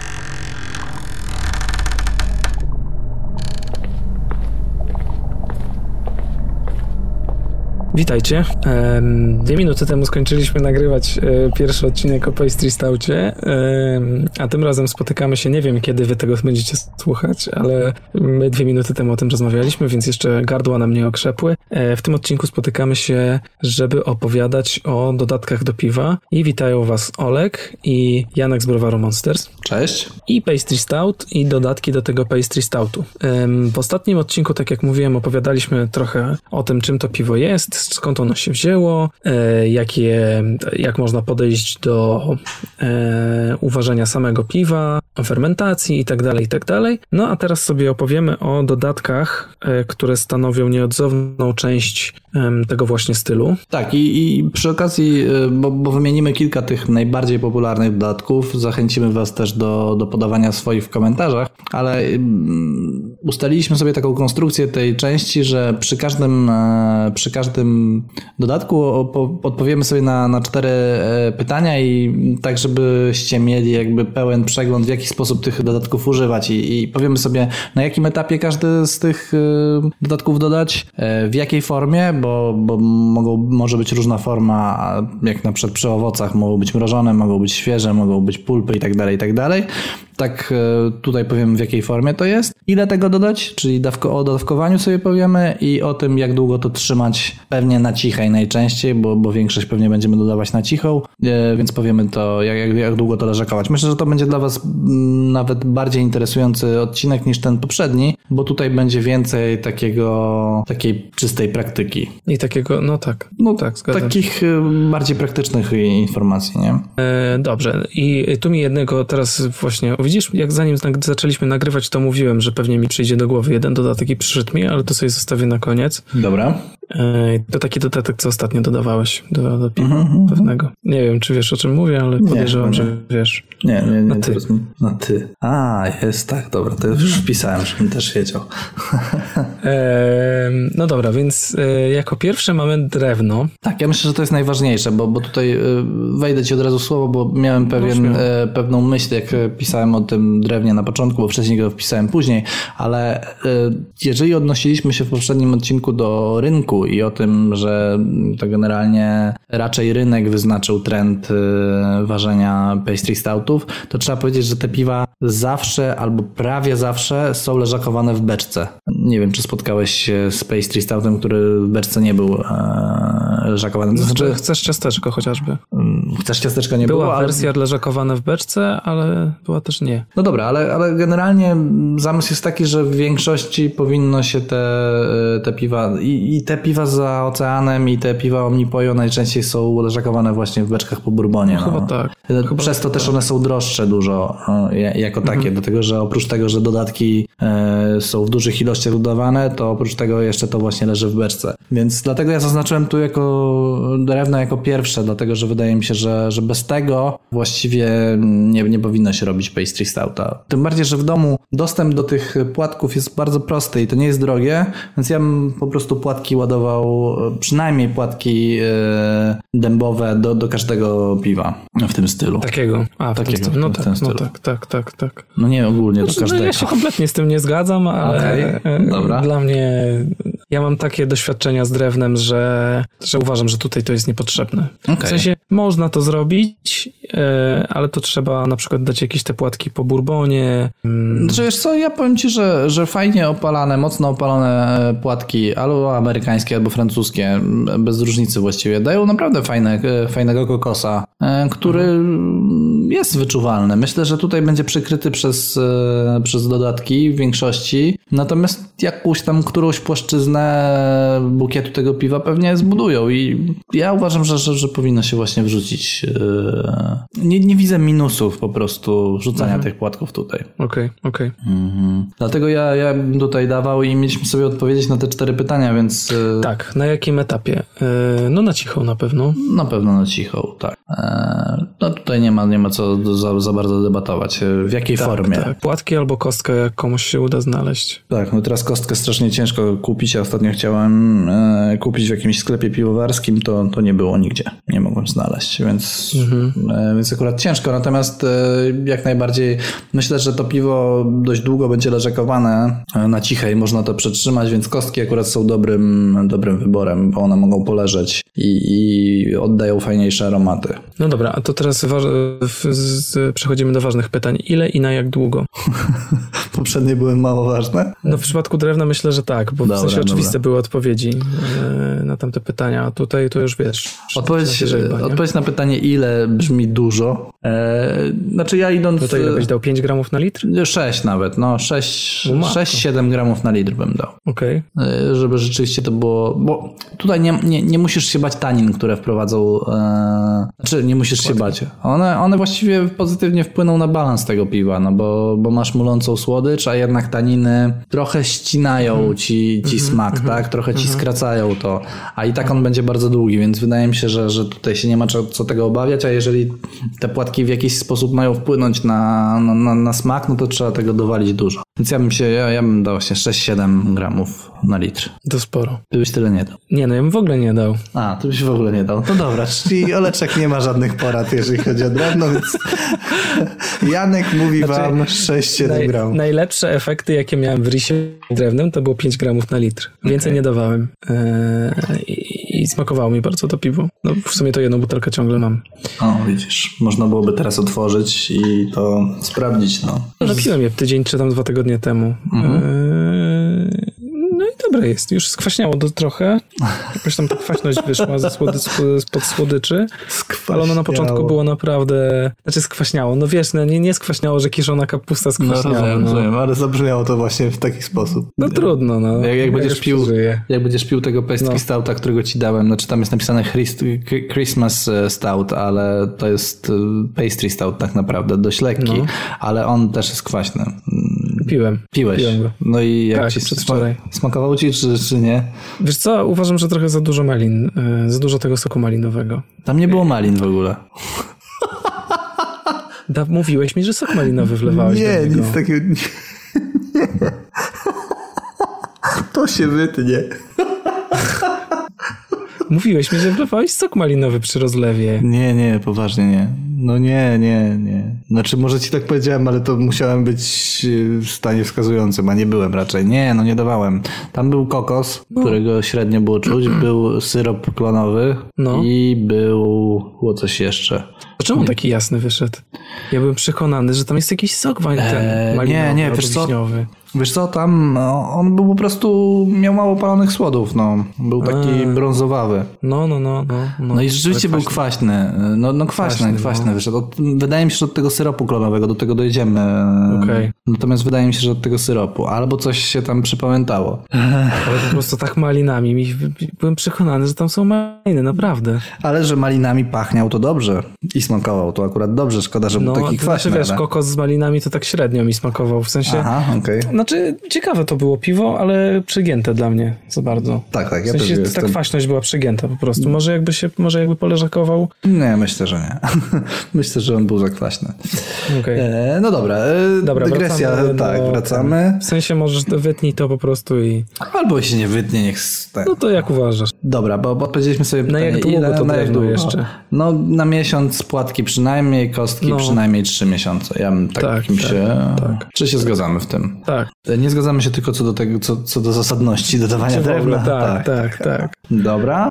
To co, przechodzimy do następnego. Mhm, kokos. Kokos. To, bo nie wiem, czy powiedzieliśmy o tym, ale to są te dodatki, które powiedzieliśmy chyba o tym w przednim odcinku, ale te dodatki, które mamy wypisane, to są dodatki, które są jakby spisane z Antapta, e, z najbardziej, najlepiej ocenionych pastry stoutów. Te, te dodatki się najczęściej pojawiały, więc, więc wypisaliśmy sobie je, a jako, że wszystkie dodawaliśmy, no to jesteśmy w stanie coś o tym powiedzieć. Mhm. Kokos. E, Lubisz kokosa kokos w piwie?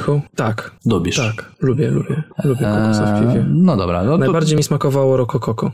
Ja chyba tego Roko Koko nie piłem, ale w ogóle nie piłem dużo. Najbardziej mi smakował ten stout mleczny, który był z kuźni, kuźni piwowarów. On był naprawdę świetny i naprawdę świetnie mhm. technicznie było zrobione też to piwo. Później niewiele, oprócz domowych jakichś, to, to niewiele z rynku piłem, bo, bo tego się też jakoś dużo nie pojawia wbrew pozorom. Wszyscy mówią, że to jest wyczerpany temat, ale tak naprawdę to niewiele było e, piw z kokosem, z tego względu, że on dostarcza dość dużo problemów technologicznych, bo, bo jego trzeba dać mm -hmm. dużo, e, on zapycha rury i generalnie no, no ciężki jest w obróbce. No, uprażyć go też trzeba wcześniej, to też nie jest łatwe. Wiesz co, no to właśnie, to właśnie zaraz sobie odpowiemy na pytanie w jakiej formie, bo ja nie mm -hmm, jestem do końca mm -hmm. przekonany, czy, czy trzeba go prażyć. E, ale okay. powiedzmy sobie najpierw na jakim etapie. Wydaje mi się, że na cichą tutaj nie ma no, co... No na cichą, koniecznie. Nie Chociaż wiesz co, ja tego nigdy nie robiłem, ale zastanawiam się, czy jakbyśmy dodali kokosa do, do gotowania, to czy przypadkiem, no właściwie nie do gotowania, tylko na zacieranie, to czy zostałoby coś w aromacie? Czy myślisz, że, że wszystko by... Myślę, ten... że nie. Myślisz, że nie, bo, bo wtedy byśmy tłuszcz odfiltrowali było... trochę. Ale bardzo dużo trzeba by było go dodać. Okay. Filtracji, obałbym się, że filtracja się przytka, chyba, że to by były... Chipsy. Mm, chipsy. Mm. Ale to za chwilę o tym. O tym nie, na cichą i, i w ogóle nie, znaczy, nie zastanawiałbym No dobra, dobra, czyli na cichą. Chyba, że ktoś chce eksperymentować, proszę bardzo, napiszcie o tym. Znaczy ja się zgadzam z tym i jakby teraz mi przyszło do głowy, że generalnie jeżeli dodać by to do zacierania, to jesteśmy w stanie odfiltrować część e, tłuszczy, bo one zostaną na, na tym, na, na złożu. Na złożu mhm. zostaną, wiesz. Ja, ja tak mhm. kiedyś dodawałem kakao, e, mhm. które odtłuszczone było, ale i tak tam 11% tego tłuszczu mhm. miały. E, I dodawałem je właśnie na zacieranie i piwo było bardzo czekoladowe, a jednocześnie miało dużo mniej tłuszczu niż dodane na etapie e, cichej na przykład, tak? Czy tam do gotowania. Mm, więc kakao akurat polecam dodawać w taki sposób, ale to też chyba mamy gdzieś ziarna kakaowca i kakao mhm. chciałem tam zahaczyć. Dobra, w jakiej formie? I tutaj dochodzimy. Chipsy. chipsy. Ty mówisz chipsy od razu, a jeszcze są wiórki. Tego nie polecasz, jak rozumiem. Nie. Dobra, ja nie polecam. Też, ja też nie polecam wiórków. Czy jakiś inny sposób ci, znaczy jakaś inna forma kokosa ci przychodzi do, do głowy, którą... Wiesz co, jeżeli ktoś chce kupić e, świeżego kokosa sobie połupać mhm. e, samemu, żeby to były po prostu jakieś takie kawałki, to tak. Ale to jest trochę przerost formy nad treścią, w sensie to będzie bardzo fajnie wyglądało na fanpage'u na Facebooku, ale tylko tyle, moim zdaniem. Dobra, ja, ja też się zgadzam, że forma jak najbardziej chipsy jest, jest, to jest najlepsza forma, i, ale powiedzmy dlaczego tak jest, bo Dwa względy. Po pierwsze, filtracja jest o wiele prostsza, a po drugie, moim zdaniem, e, do wiórków idzie kokos słabszej, e, niższej jakości. Okej. Okay. Wyczerpałeś temat. Nie mam nic do dodania. No, ta filtracja szczególnie, ona jest e, dużo łatwiej jest wsadzić na przykład, nie wiem, wężyk do, do piwa, w którym jest kokos dodany na cichą i normalnie zasysając ustami nie przelecą wam te, te wióry. A jak zaczepicie na końcu pończochę, z drugiej strony też w ogóle macie odfiltrowanego kokosa, bo z wiórkami jest największy problem taki, że nawet jak to odfiltrujecie na maksa, to i tak małe drobinki przejdą i później jest gushing, jest, jest duża, e, gruba warstwa na dnie. Sitko lać piwo. Albo trzeba przez sitko. Ja mam takiego kwasa z kokosem, do którego dodałem wiórki. On jest generalnie całkiem spoko, natomiast no wyłazi z butli i trzeba go właśnie przez sitko lać. No dobra, jakie jeszcze, bo, no albo podprażone, jeżeli chodzi o tą formę. Okej, okay, ty mówisz, że podprażone. Ja podprażał. Tak. Ja, ja generalnie się zgadzam z tym podprażaniem, natomiast y, podprażanie nastręcza pewnych problemów. Po pierwsze, możemy je e, za mocno podprażyć i mhm. w momencie, kiedy przypalimy końcówki na czarno, to wtedy y, bardzo dużo kwaśności wyjdzie w piwie. Okay. Myślę, że ten stout, o którym żeśmy, ten świąteczny, o którym żeśmy rozmawiali, mógł mieć tą kwaśność też tego kokosa, bo tam, Aha, kokosa, okay. tam trochę mi się przypa przypaliły te chipsy. Okay. Więc y, chodzi o to, żeby kokosa po pierwsze równomiernie przy, przypiec, a po drugie, żeby on się lekko zarumienił, a nie żeby był e, brązowy na przykład. Wtedy wyjdzie w piwie taka fajna kokosanka. Mi się najbardziej z kokosanką to kojarzy. Uh -huh, uh -huh. Więc prażyć, nie, nie, nie, jestem w stanie teraz powiedzieć, ile czasu to, to trzeba prażyć w jakiej temperaturze, ale dobrze jest to obserwować i dobrze jest to na przykład w połowie e, prażenia wyjąć i przemieszać, żeby to, co jest mhm. pod spodem, albo ułożyć naprawdę cienką warstwę, bo, to, bo inaczej te na górze nam się przypieką, te pod spodem nam się nie przypieką, więc, więc dobrze jest to przemieszać. Tak. Coś jeszcze chcesz dodać? Nie. Dwa kilo? E, dwa kilo, ale dwa kilo to tak. Na 20 ale... litrów. Tak, i zdecydowanie. Kilogram na litr, na 10 litrów, nie? Kilogram na 10 na litrów, litr. przynajmniej. Tak, e, tak, że, tak orzecze Piotrek Brzeziński, który jest fanem kokosa w piwie. E, jest utytułowanym piwowarem domowym i generalnie zna się na kokosie. I on mówi, że kilogram na 10 litrów trzeba. Inaczej nie ma sensu. Hmm. Ja poszedłem nawet krok dalej i dodał trochę więcej. E, a nie bałbym się dodać tego więcej, dlatego że wbrew pozorom przy tych e, chipsach nie ma dużo strat, bo ten sam kokos tak. sam w sobie nie daje, tak, nie, ten, tak. nie bierze dużo w siebie. I jeszcze technologiczny, e, technologiczna podpowiedź. Bardzo fajnie w przypadku kokosa sprawdza się sitko z Ikei. Genialnie. Tak, prostu... widziałem zdjęcie na twoim fanpage'u. Tak, naprawdę świetnie w ogóle, wiesz, robisz tak, że nalewasz najpierw do połowy, przelewasz piwo na cicho. W momencie, kiedy mhm. już to ci dochodzi do sitka, to wtedy wsadzasz sitko, znaczy do, do tego momentu, w którym to, to, no, no, to no. sitko wchodzi, to w, mhm. wkładasz sitko, żeby, w, bo niedobrze jest lać przez sitko, dlatego, że wtedy się rozchlapuje no tak. i się natlenia, tak, nie? Tak. Więc musisz najpierw tak. nalać, wsadzić sitko, nasypać kokosa i dolać e, całą resztę. I później, jeżeli użyjecie e, wiaderka z kranikiem, to po prostu nie musicie tego przelewać do, do innego fermentora, tylko możecie od razu rozlewać. No i na jak długo? E, na tydzień. Ja bym tydzień przed rozlewem dodał. Mhm, mhm, mhm. Zgadzam się. Zgadzasz się. Dobrze. Tak, tak. Czy, czy jest jeszcze... No? Nie, poczekaj, no ale gonisz, no. Dwa odcinki muszą z tego wyjść, to, a ty gonisz. Jeszcze są, jest ważna rzecz przy kokosie, tłuszcz. Nie powiedzieliśmy prawie nic o tłuszczu. Bo ja się tym nie przejmuję w ogóle. Czyli... W sensie, ja próbowałem tam, bo wiesz, bo są te metody tam, że trzeba ten, ten kokos e, odsączyć ręcznikami papierowymi. Nigdy mi się, nigdy mi nawet, nawet odrobina tego e, tłuszczu nie wyciekła, nie przeszła do tych ręczników papierowych. A, to ja też tak robiłem kiedyś. Robiłem, to smażyłem na patelni, też nic, te no. ręczniki zostawały suche, więc moim zdaniem ja też bym sobie tym nie za Jak nie chcecie pianę mieć w tym piwie, to zrobię, zróbcie pianę z tego, z płyną do mycia naczyń.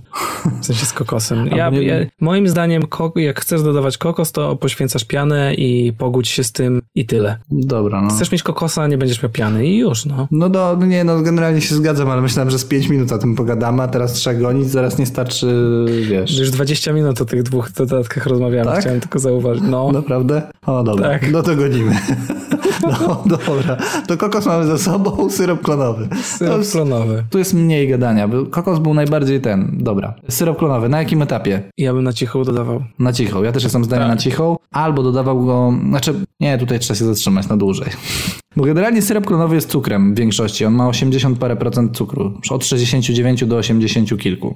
I to jest jakby, to są cukry teoretycznie proste, które teoretycznie powinny odfermentować do zera. Natomiast w jakiś dziwny, e, nieprawdopodobny sposób robi się tak, że ten syrop klonowy nie odfermentowuje i generalnie dodaje w piwu bardzo dużo słodyczy, pomimo tego, że jak wrzucimy spławik, to wychodzi na to, że on odfermentował do zera. W sensie, że nie ma tego cukru z syropu klonowego. Mhm.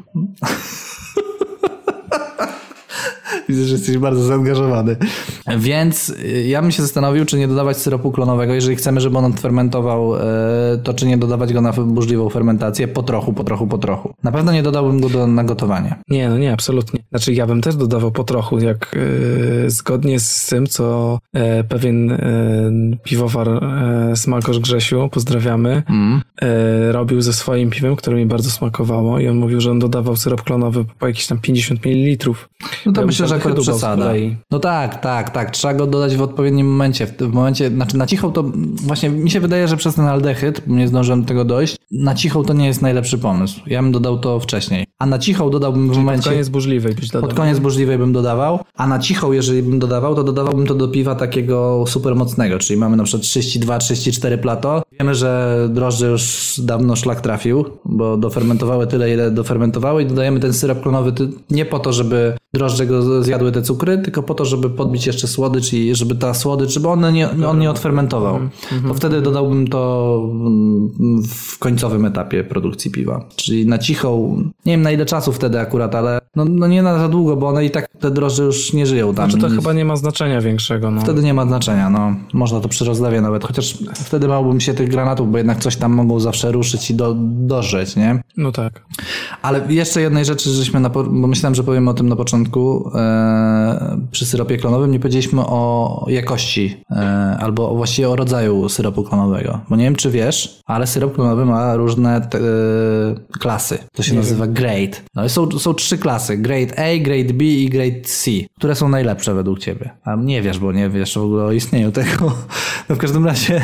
No grade A bym powiedział, że jest najlepszy. No, no i tutaj byłbyś w błędzie. Właśnie do tego zadałem ci to pytanie. Chodzi Aha, żeby, no tak. Tak, tak, żeby wyszło, że źle i ja powiem dlaczego dobrze. Znaczy, A. dlaczego jest inaczej dobrze. Taki wiesz, yeah. twist, twist. Nie, nie, chodzi o twist, wiesz, no, tego no, się no. lepiej słucha. No. no dobra, są, są jakby trzy, trzy klasy A, B, C, z czego e, one kosztują mniej więcej tyle samo, te syropy klonowe. Natomiast najbardziej e, popularnym syropem klonowym jest ten, ta klasa A. I on jest najjaśniejszy, ale jednocześnie jest najmniej skarmelizowany i mhm. daje najmniej aromatu. Jest w ogóle mniej smaczny.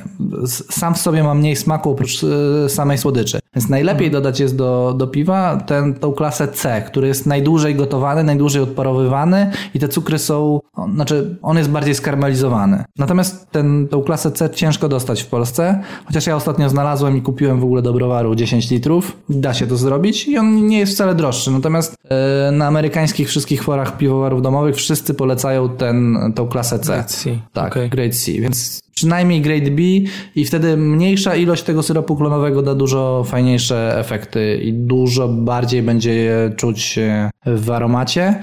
I wspomniałeś już Grzesia, który jara się mocno syropem klonowym. Sprzedałem mu e, namiary na, na syrop klonowy klasy C. Kupił, ostatnio mi pisał, że dodał dwa razy mniej i że już według niego od razu po dodaniu i przy krótkiej fermentacji już dużo bardziej czuć niż, niż przy poprzednim, więc, e, więc Grzesiu potwierdza, że, że, że lepiej dawać... Że sztos. Tak, że sztos. że sztos. No to dobrze wiedzieć, dobrze wiedzieć, to no. jest ciekawe. Dobra, w jakiej o, formie? Słychać, że coś ci tam fermentuje. Tak, tak. E, no w formie, no to w formie syropu. W formie Syrop klonowy dodajemy w formie syropu, tak. Nie, ważniejsze jest chyba ile jednak. Tak. I, ile byś dodał tego? E, jedno, jedno opakowanie? To chyba 250 ml? Nie, nie, myślę, że to, jeżeli przyjmujemy 20, 20-litrową e, warkę, to no. myślę, że od pół litra zaczynamy ilości. Okej. Okay, okay. Ja bym dodał więcej niż pół litra. E, tego Great C, tak? Tego Great C, tak. Dałbym, ja bym litr dodał. No to grubo. No grubo, grubo. Po grubasie, no tak, taki, takie no, piwo, tak, pastry no, stout. Pastry stout, no tak. Ma być, no tak. Ma być na grubo. No i na jak długo to jest bezzasadne, dopóki nie skończy się fermentacja, tak? To, to akurat tu tak. nie ma znaczenia. Chyba, że y, no to już powiedzieliśmy, że jak mocne piwo bardzo i drożdże no już tak, nie żyją, to tak. wtedy w tym przypadku można ten. Wanilia. Wanilię na cicho oczywiście. Ja bym tutaj w ogóle się, niektórzy chyba do gotowania dają, ale ja bym się... Nie, nie, to strata pieniędzy, tym bardziej, że wanilia jest super eee, droga. W formie pełen całych lasek ja bym wrzucił przyciętych na pół. Mhm. Bo jest jeszcze coś takiego jak ekstrakt waniliowy. To dopuszczasz coś takiego, czy uważasz, że to jest Dopuszczam. zło? Dopuszczasz. Bo to jest, ja, ja polecam ten ekstrakt.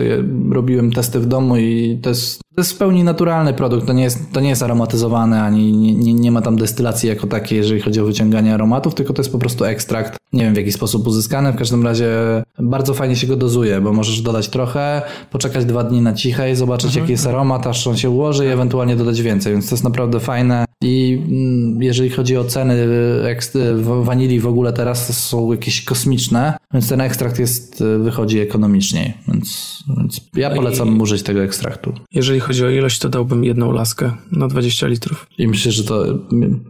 Ja, Może dwie. Ja próbowałem odszukać... Zależy też od jakości, wiesz. No, zgoda. Dwie prędzej, nie mogłem odszukać w swoich notatkach ilości, jakie dodawałem, bo dodawałem wanilię kilkukrotnie, natomiast nie jestem w stanie teraz e, odpowiedzieć. No jeżeli chodzi o ekstrakt, to 30 ml na 20 litrów e, piwa powinno dać fajny efekt. Mhm. Na jak długo? I na jak długo? Na tydzień. Tydzień, tak, przynajmniej tydzień. No. Ale żeśmy wanilię szybko. pędzisz. Tam, Oleczek, ona jest taka, no. Nie, jak nie masz czasu, to powiedz, to wiesz, to wtedy zmachniemy 5 minut i będzie koniec, nie? Zjadłem kakałowce, kawa orzechy, z orzechowe, pianki, marshmallow, do widzenia. E, nie, no ta wanilia mi się wydaje po prostu mało ciekawa i widzę też, że mało ludzi dodaje, że ta wanilia gra jest teraz raczej bazą dla reszty rzeczy. No tak, a wiesz co, ale wanilia, to, to nie będą pierwszy, nie będzie grało pierwszych skrzypiec, natomiast wanilia jest bardzo często używana w ciastach i, i ona sobie tam gdzieś, jak będzie majaczyć, to, to, to, to dobrze, myślę, że zbuduje Ale też fajny. nigdy nie jest dodawana jako pierwszy akord. Jest No nie, nie jest, baza, nie jest. nie? Zgoda, no, zgoda, zgoda, ale jak coś ma przypominać sernik, to nie wyobrażam sobie, żeby wanilii tam nie dodać, nie? No tak. Dobra, ziarno kakaowca. E, ziarno kakaowca. Na jakim etapie? E, no na cichą, no. Na cichą. Tak jest. W jakiej formie? w formie ziaran. Po, po, pokruszonego ziarna kakaowca. Tak, tak. Pokruszonego. I e, up- uprażonego wcześniej koniecznie. Znaczy uprażonego, tak. tak, Można- no, tak żeby... Generalnie ja nie polecam dodawać pełnych ziaren, bo one tak trochę kiszonką zalatują. Nawet jak się je podpiecze, to w środku się one się nie, do, nie dopiekają i, i dają, potrafią dać taki kiszony aromat i jest, to jest nieprzyjemne. Więc e, dobrze jest kupić pokruszone, e, bo jak kupicie całe, to trzeba je śrutować w śrutowniku, co nie jest proste. Można zajechać wiertarkę. A propos tego śrutowania, a zajechałeś teraz? Nie, nie, kupiłem, teraz kupiłem pokruszone. A, teraz kupi...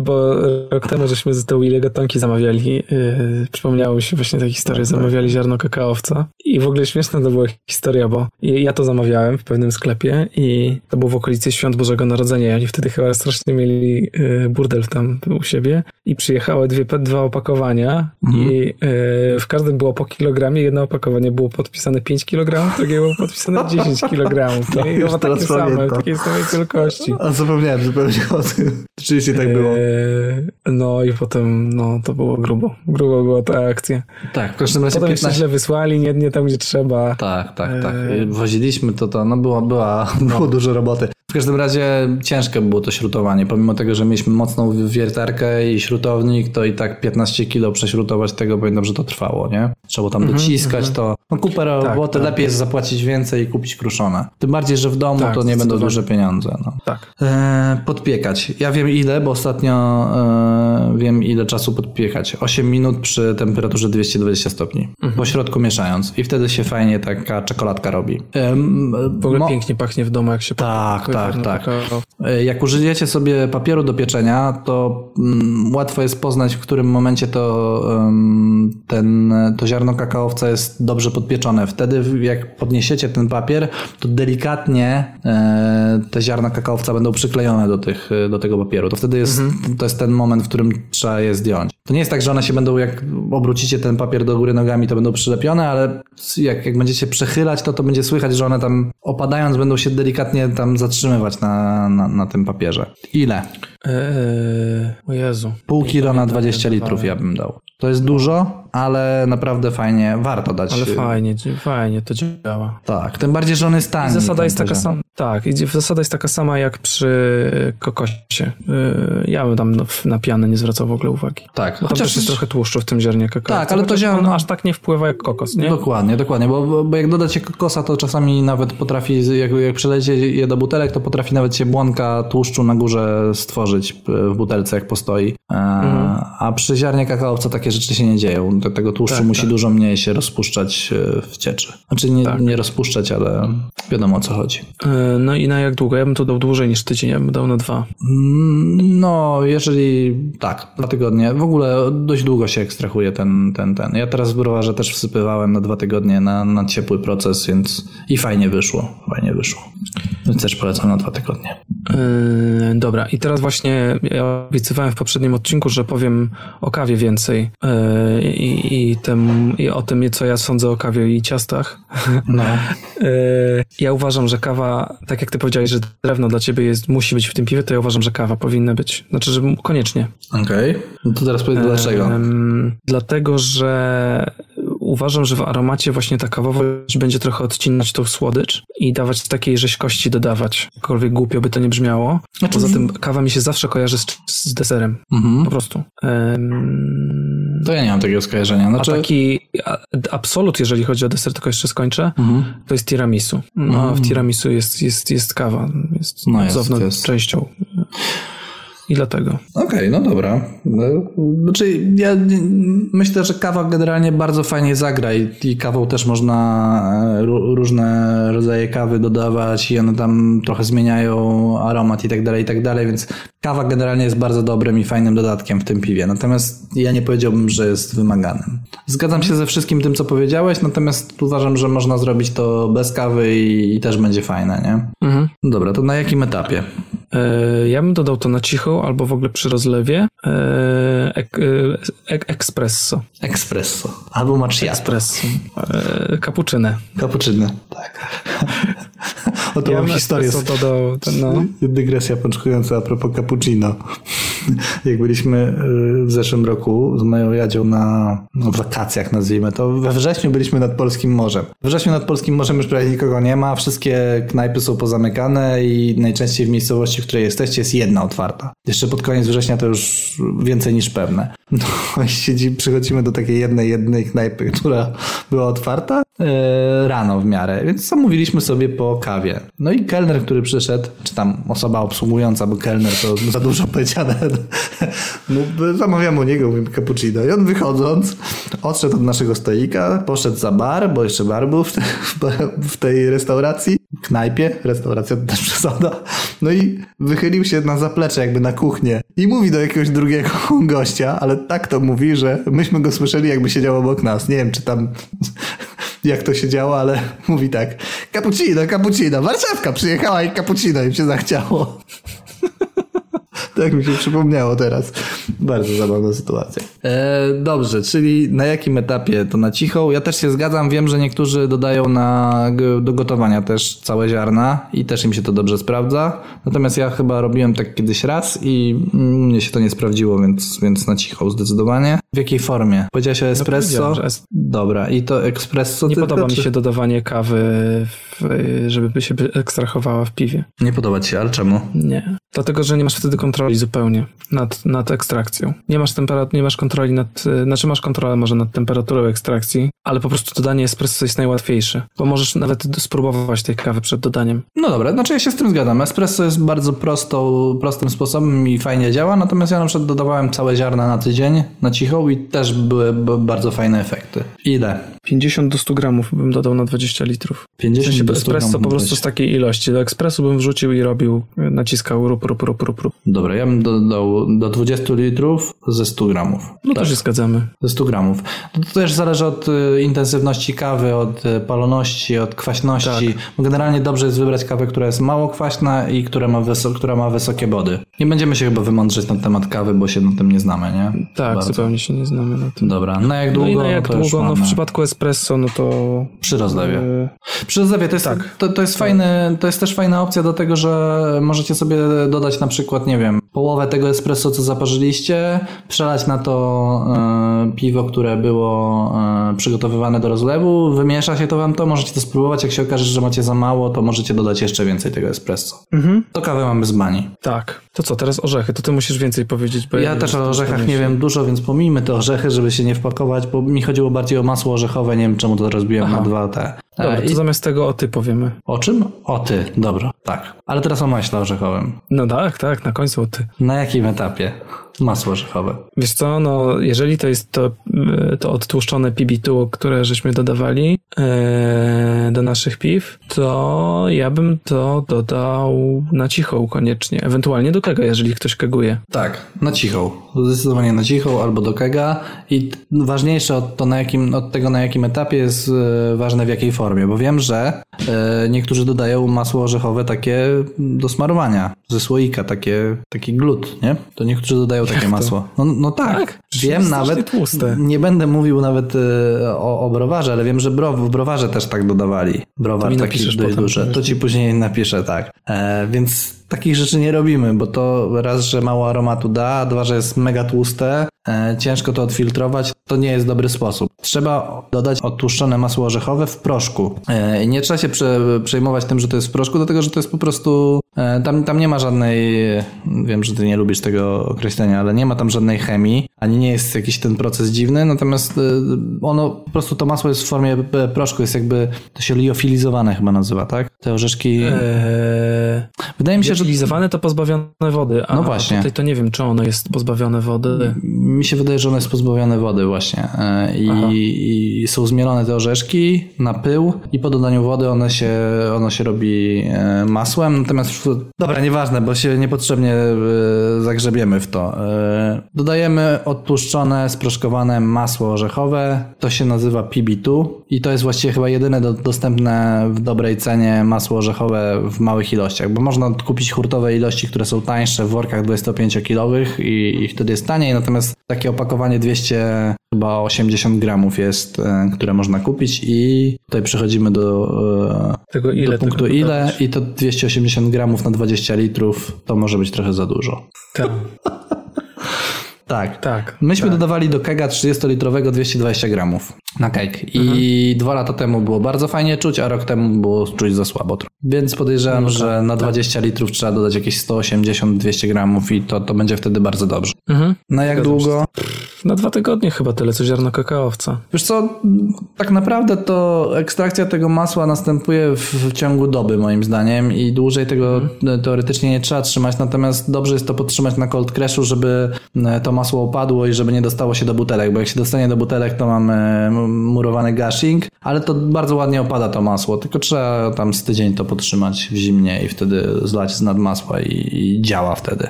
Dobra, to mamy teraz, to masło orzechowe mamy z bani, tak? Nie, nie masz nic do dodania. Pianki marshmallow. No to ja nie dodawałem nigdy. Ja nie mam też dużego doświadczenia, dodawałem ostatnio. Eee, dostałeś to piwo. Eee, czułeś pianki marshmallow? Nie. Eee, Ja też w pierwszej chwili mówiłem, że nie, ale myślę, że część tej kwaśności, takiej cukrowej słodyczy była z tych pianek, tak mi się wydaje. E, I, I na jakim etapie ją dodawać? Chyba najłatwiej dodać te, do gotowania te pianki marshmallow, bo one się muszą rozpuścić. Tam jest dużo różnego syfu. Dodane żelatyna chyba tam między innymi jest. Tak, tak. Żelatyna i cukier. Żelatyna i cukier głównie, tak. E, ale można też na cichą dodawać i, i one się i tak rozpuszczą. E, mają dużo cukru, więc trzeba im dać e, trochę czasu. W jakiej formie? No to pianki marshmallow można dodawać tylko i wyłącznie w formie pianek. Znaczy, no właściwie to nie do końca. No dobra, no to powiedz. Dlatego, że yy, można je dodawać po prostu z paczki wrzucając, Mhm. a można je dodawać w postaci tak zwanych s'mores, yy, czyli tych opiekanych pianek marshmallow. Okej. Ja bym właśnie w takiej formie je dodawał. Ja bym podpalał każdą, czy tam podpala, podpalił je yy, i wrzucił podpalone do, Okej. do brzeczki Czyli- albo do piwa. Czyli wrzuciłbyś opiekane pianki Tak, marshmallow. tak, Okej. zdecydowanie. Zdecydowanie. I wrzuciłbyś je na cichą w ten sposób. Yy, może pod koniec fermentacji raczej. tak koniec jak w przypadku syropu klonowego. Żeby drożdże się nie uśpiły i żeby coś tam Tak, jeszcze... żeby aldehydu po prostu nie było, nie? Dobra. E, ile? I, No ma- zabij mnie, nie wiem, na pół kilograma? Pół kilo, no pół kilo. E, I wbrew pozorom można kupić je naprawdę tanio. Takie malutkie, no nie pamiętam ile, ale groszowe sprawy. Pół kilo na jak długo, no to już właściwie żeśmy powiedzieli, że na dłużej, bo pod koniec e, fermentacji. Musi dofermentować ten cukier z nich. Tak. Dobra, ostatnie, dziewiąty punkt. Tak, chciałem powiedzieć, że dodatek na T, ale już się zdradził to. No trudno. Tonka. Uważasz, że tak, tonka jest dobrym wyborem do pastry stouta? Tak, pod Ale warunkiem, że wrzucisz jej mało. A, okej. E, wrzucisz jej mało i że ona będzie... mm, Nie będzie dodatkiem. dominującym. Tak, zdecydowanie. Zdecydowanie nie może być dominująca. Tonka, jak, jak jest dominująca, to za chwilę ci ktoś powie, że śmierdzi to piwo. Znaczy i tak ci wszyscy będą mówili, jak się dowiedzą, że tam jest tonka, że śmierdzi to piwo, że to głupie, że w ogóle masakra, że nienawidzą. E, ja lubię. Wiesz co, ja też lubię Tonkę, ale Tonka ma swoich przeciwników i ma swoich e, fanów, no po prostu są ludzie, którzy nie trawią tej Tonki. E, Jest Tak. to dla nich odrzucające. Na przykład moja Jaćka nie, nie, nienawidzi Tonki. E, i Jak Tonka leżała w przedpokoju, no to, to kazała mi to wynieść do piwnicy, bo mówi, że nie jest w stanie znieść tego zapachu. Więc dla niektórych jest to po prostu odrzucające, no. Znaczy on jest ekstremalnie intensywny, no i dlatego tamtej tonki naprawdę mało trzeba wrzucić. I Tak. tak, jak powiedziałem, ja bym, ja bym ją traktował raczej jako substytut wanilii e, niż e, coś, co grało, miałoby grać pierwsze skrzypce. Y, Pod tym kątem tak, natomiast ona pachnie inaczej, bo, bo ja zrozumiałem, że mówisz, że jako substytut tu wanilii, że, że ona pachnie tak samo, bo moim zdaniem... Nie, nie, nie. Dobra, okej. że ma dawać słodycz w aromacie, taką samą jakbym dawała Mm, wanilię. Okej, okay, rozumiem. No dobra, to odpowiedzmy sobie na te cztery pytania. Na jakim etapie e, ją No na dodać? cicho oczywiście. Oczywiście na cicho. W jakiej formie? No w całe te bubki albo pokrojone tam na pół, czy tam na cztery. No, można, można je pokroić na cztery, ale tak na dobrą sprawę nie jest to konieczne. Można je całe do, dodawać. One się, jak namokną, to się tak, e, taka ciapcia się z nich trochę robi i, oddają wszystko, co mają dodać. Ile? To jest najważniejsze pytanie. Ja bym nie... Ja gram. Nie, gram to 10 za litrów. dużo. A, gram na 10 litrów, o, dobra. To myślę, że to strasznie mało i nie wiem, czy e, dodawałeś takie małe ilości? Yy, dodawałem chyba 2 gramy na, na 10 litrów I, i co? jakiegoś piwa. I, no i było trochę za dużo. I było za dużo, no dobra, no bo to, to Ale bo to było, ekstremalnie znaczy mało. w sensie, bo to, to, to było, yy, a może nie, może dodawałem więcej, nie pamiętam. Wiesz co, ja bym dodał, jeżeli to ma grać d- drugoplanową rolę, to dodałbym nie więcej niż pół grama na litr. O tak, pół grama Okej. na litr. Jeżeli ma Okej. grać pierwszoplanową rolę, to dodałbym jakieś 0,7 grama na litr. I, I to są nieduże różnice, ale one naprawdę mm, mają duży wpływ Tak, później na... Tak, z tonką jest bardzo łatwo przesadzić. Potem się trudno takie piwo pije, no. No, no, no, no.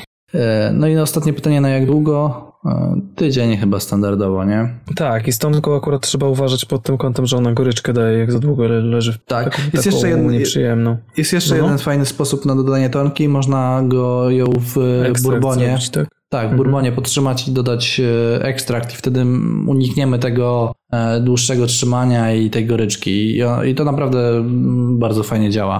Ja dodawałem do kegów e, w browarze, na przykład, żeby zrobić jakiś specjalny keg, to dodawa- dodawałem właśnie taki ekstrakt zrobiony e, samodzielnie i, jest równie intensywnie aromaty, co w przypadku wrzucania całej tonki do, do zbiornika. Dobra, to co? Mamy chyba wszystko. Przychodzi ci jeszcze jakiś dodatek do głowy, czy kończymy? Nie przychodzi mi chyba. Zastanawiałbym się jeszcze nad bourbonem. Chodzi ci o... O wlanie bourbonu do piwa. No nie, no to już byli tacy, wiesz co. Dodawali tequili do, do piwa. E, Brewer's Magic, Brewer's Magic. tak, w sumie o aromatach żeśmy nie powiedzieli. No to E, może... Znaczy, o tym, ja ten bourbon oczywiście absolutnie poważnie mówię. E, Mocno bym się zastanawiał nad tym, czy go nie dolać. Ale to takich, jak wiesz, jakichś tam niewielkich ilościach, jak ktoś lubi bourbon. E, Powiedzieliśmy o aromatach, ale ja nie mam żadnego doświadczenia, jeżeli chodzi o aromaty. Ty Ja masz. też, więc chciałem tylko podkreślić, że można po prostu. A, Że, że to też jest bardzo duże pole do popisów.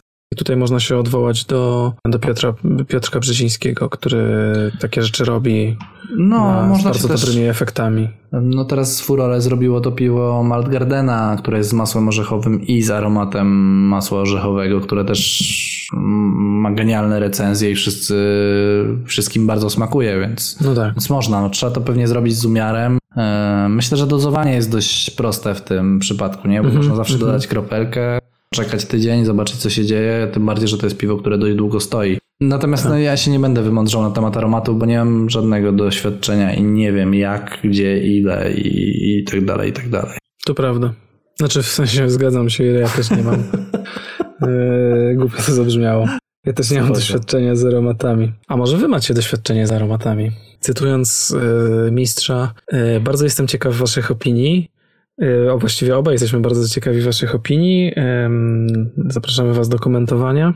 Może ktoś robił jakieś piwa z aromatami, może ktoś już robił pastry stout, może ktoś nas wyprowadzi z błędu, który ewentualnie żeśmy popełnili w trakcie tych dwóch odcinków. Nie, nie popełniliśmy. Eee, eee, więc w każdym razie, jeżeli macie jakieś pytania, to, to piszcie. Tymczasem. Czy będziemy, e, czy będziemy agitować, czy nie? Nie, nie agitujmy. Nie agitujmy. Eee, no dobrze, no to tymczasem Borem Lasem e, smacznego piwesia i smacznej kapuczyny e, żegnają się z wami e, Aleksander Hurko. i Janek Gadomski. Do usłyszenia. Do Cześć. usłyszenia, na razie. I to wszystko już w 36. odcinku Alchemii podcastu o piwie. Dziękujemy bardzo za wysłuchanie. Klikajcie jak szaleni w łapki, dzwoneczki i serduszka. Udostępniajcie gdzie się tylko da. I do usłyszenia w 37. odcinku Alchemii podcastu o piwie już wkrótce. Cześć!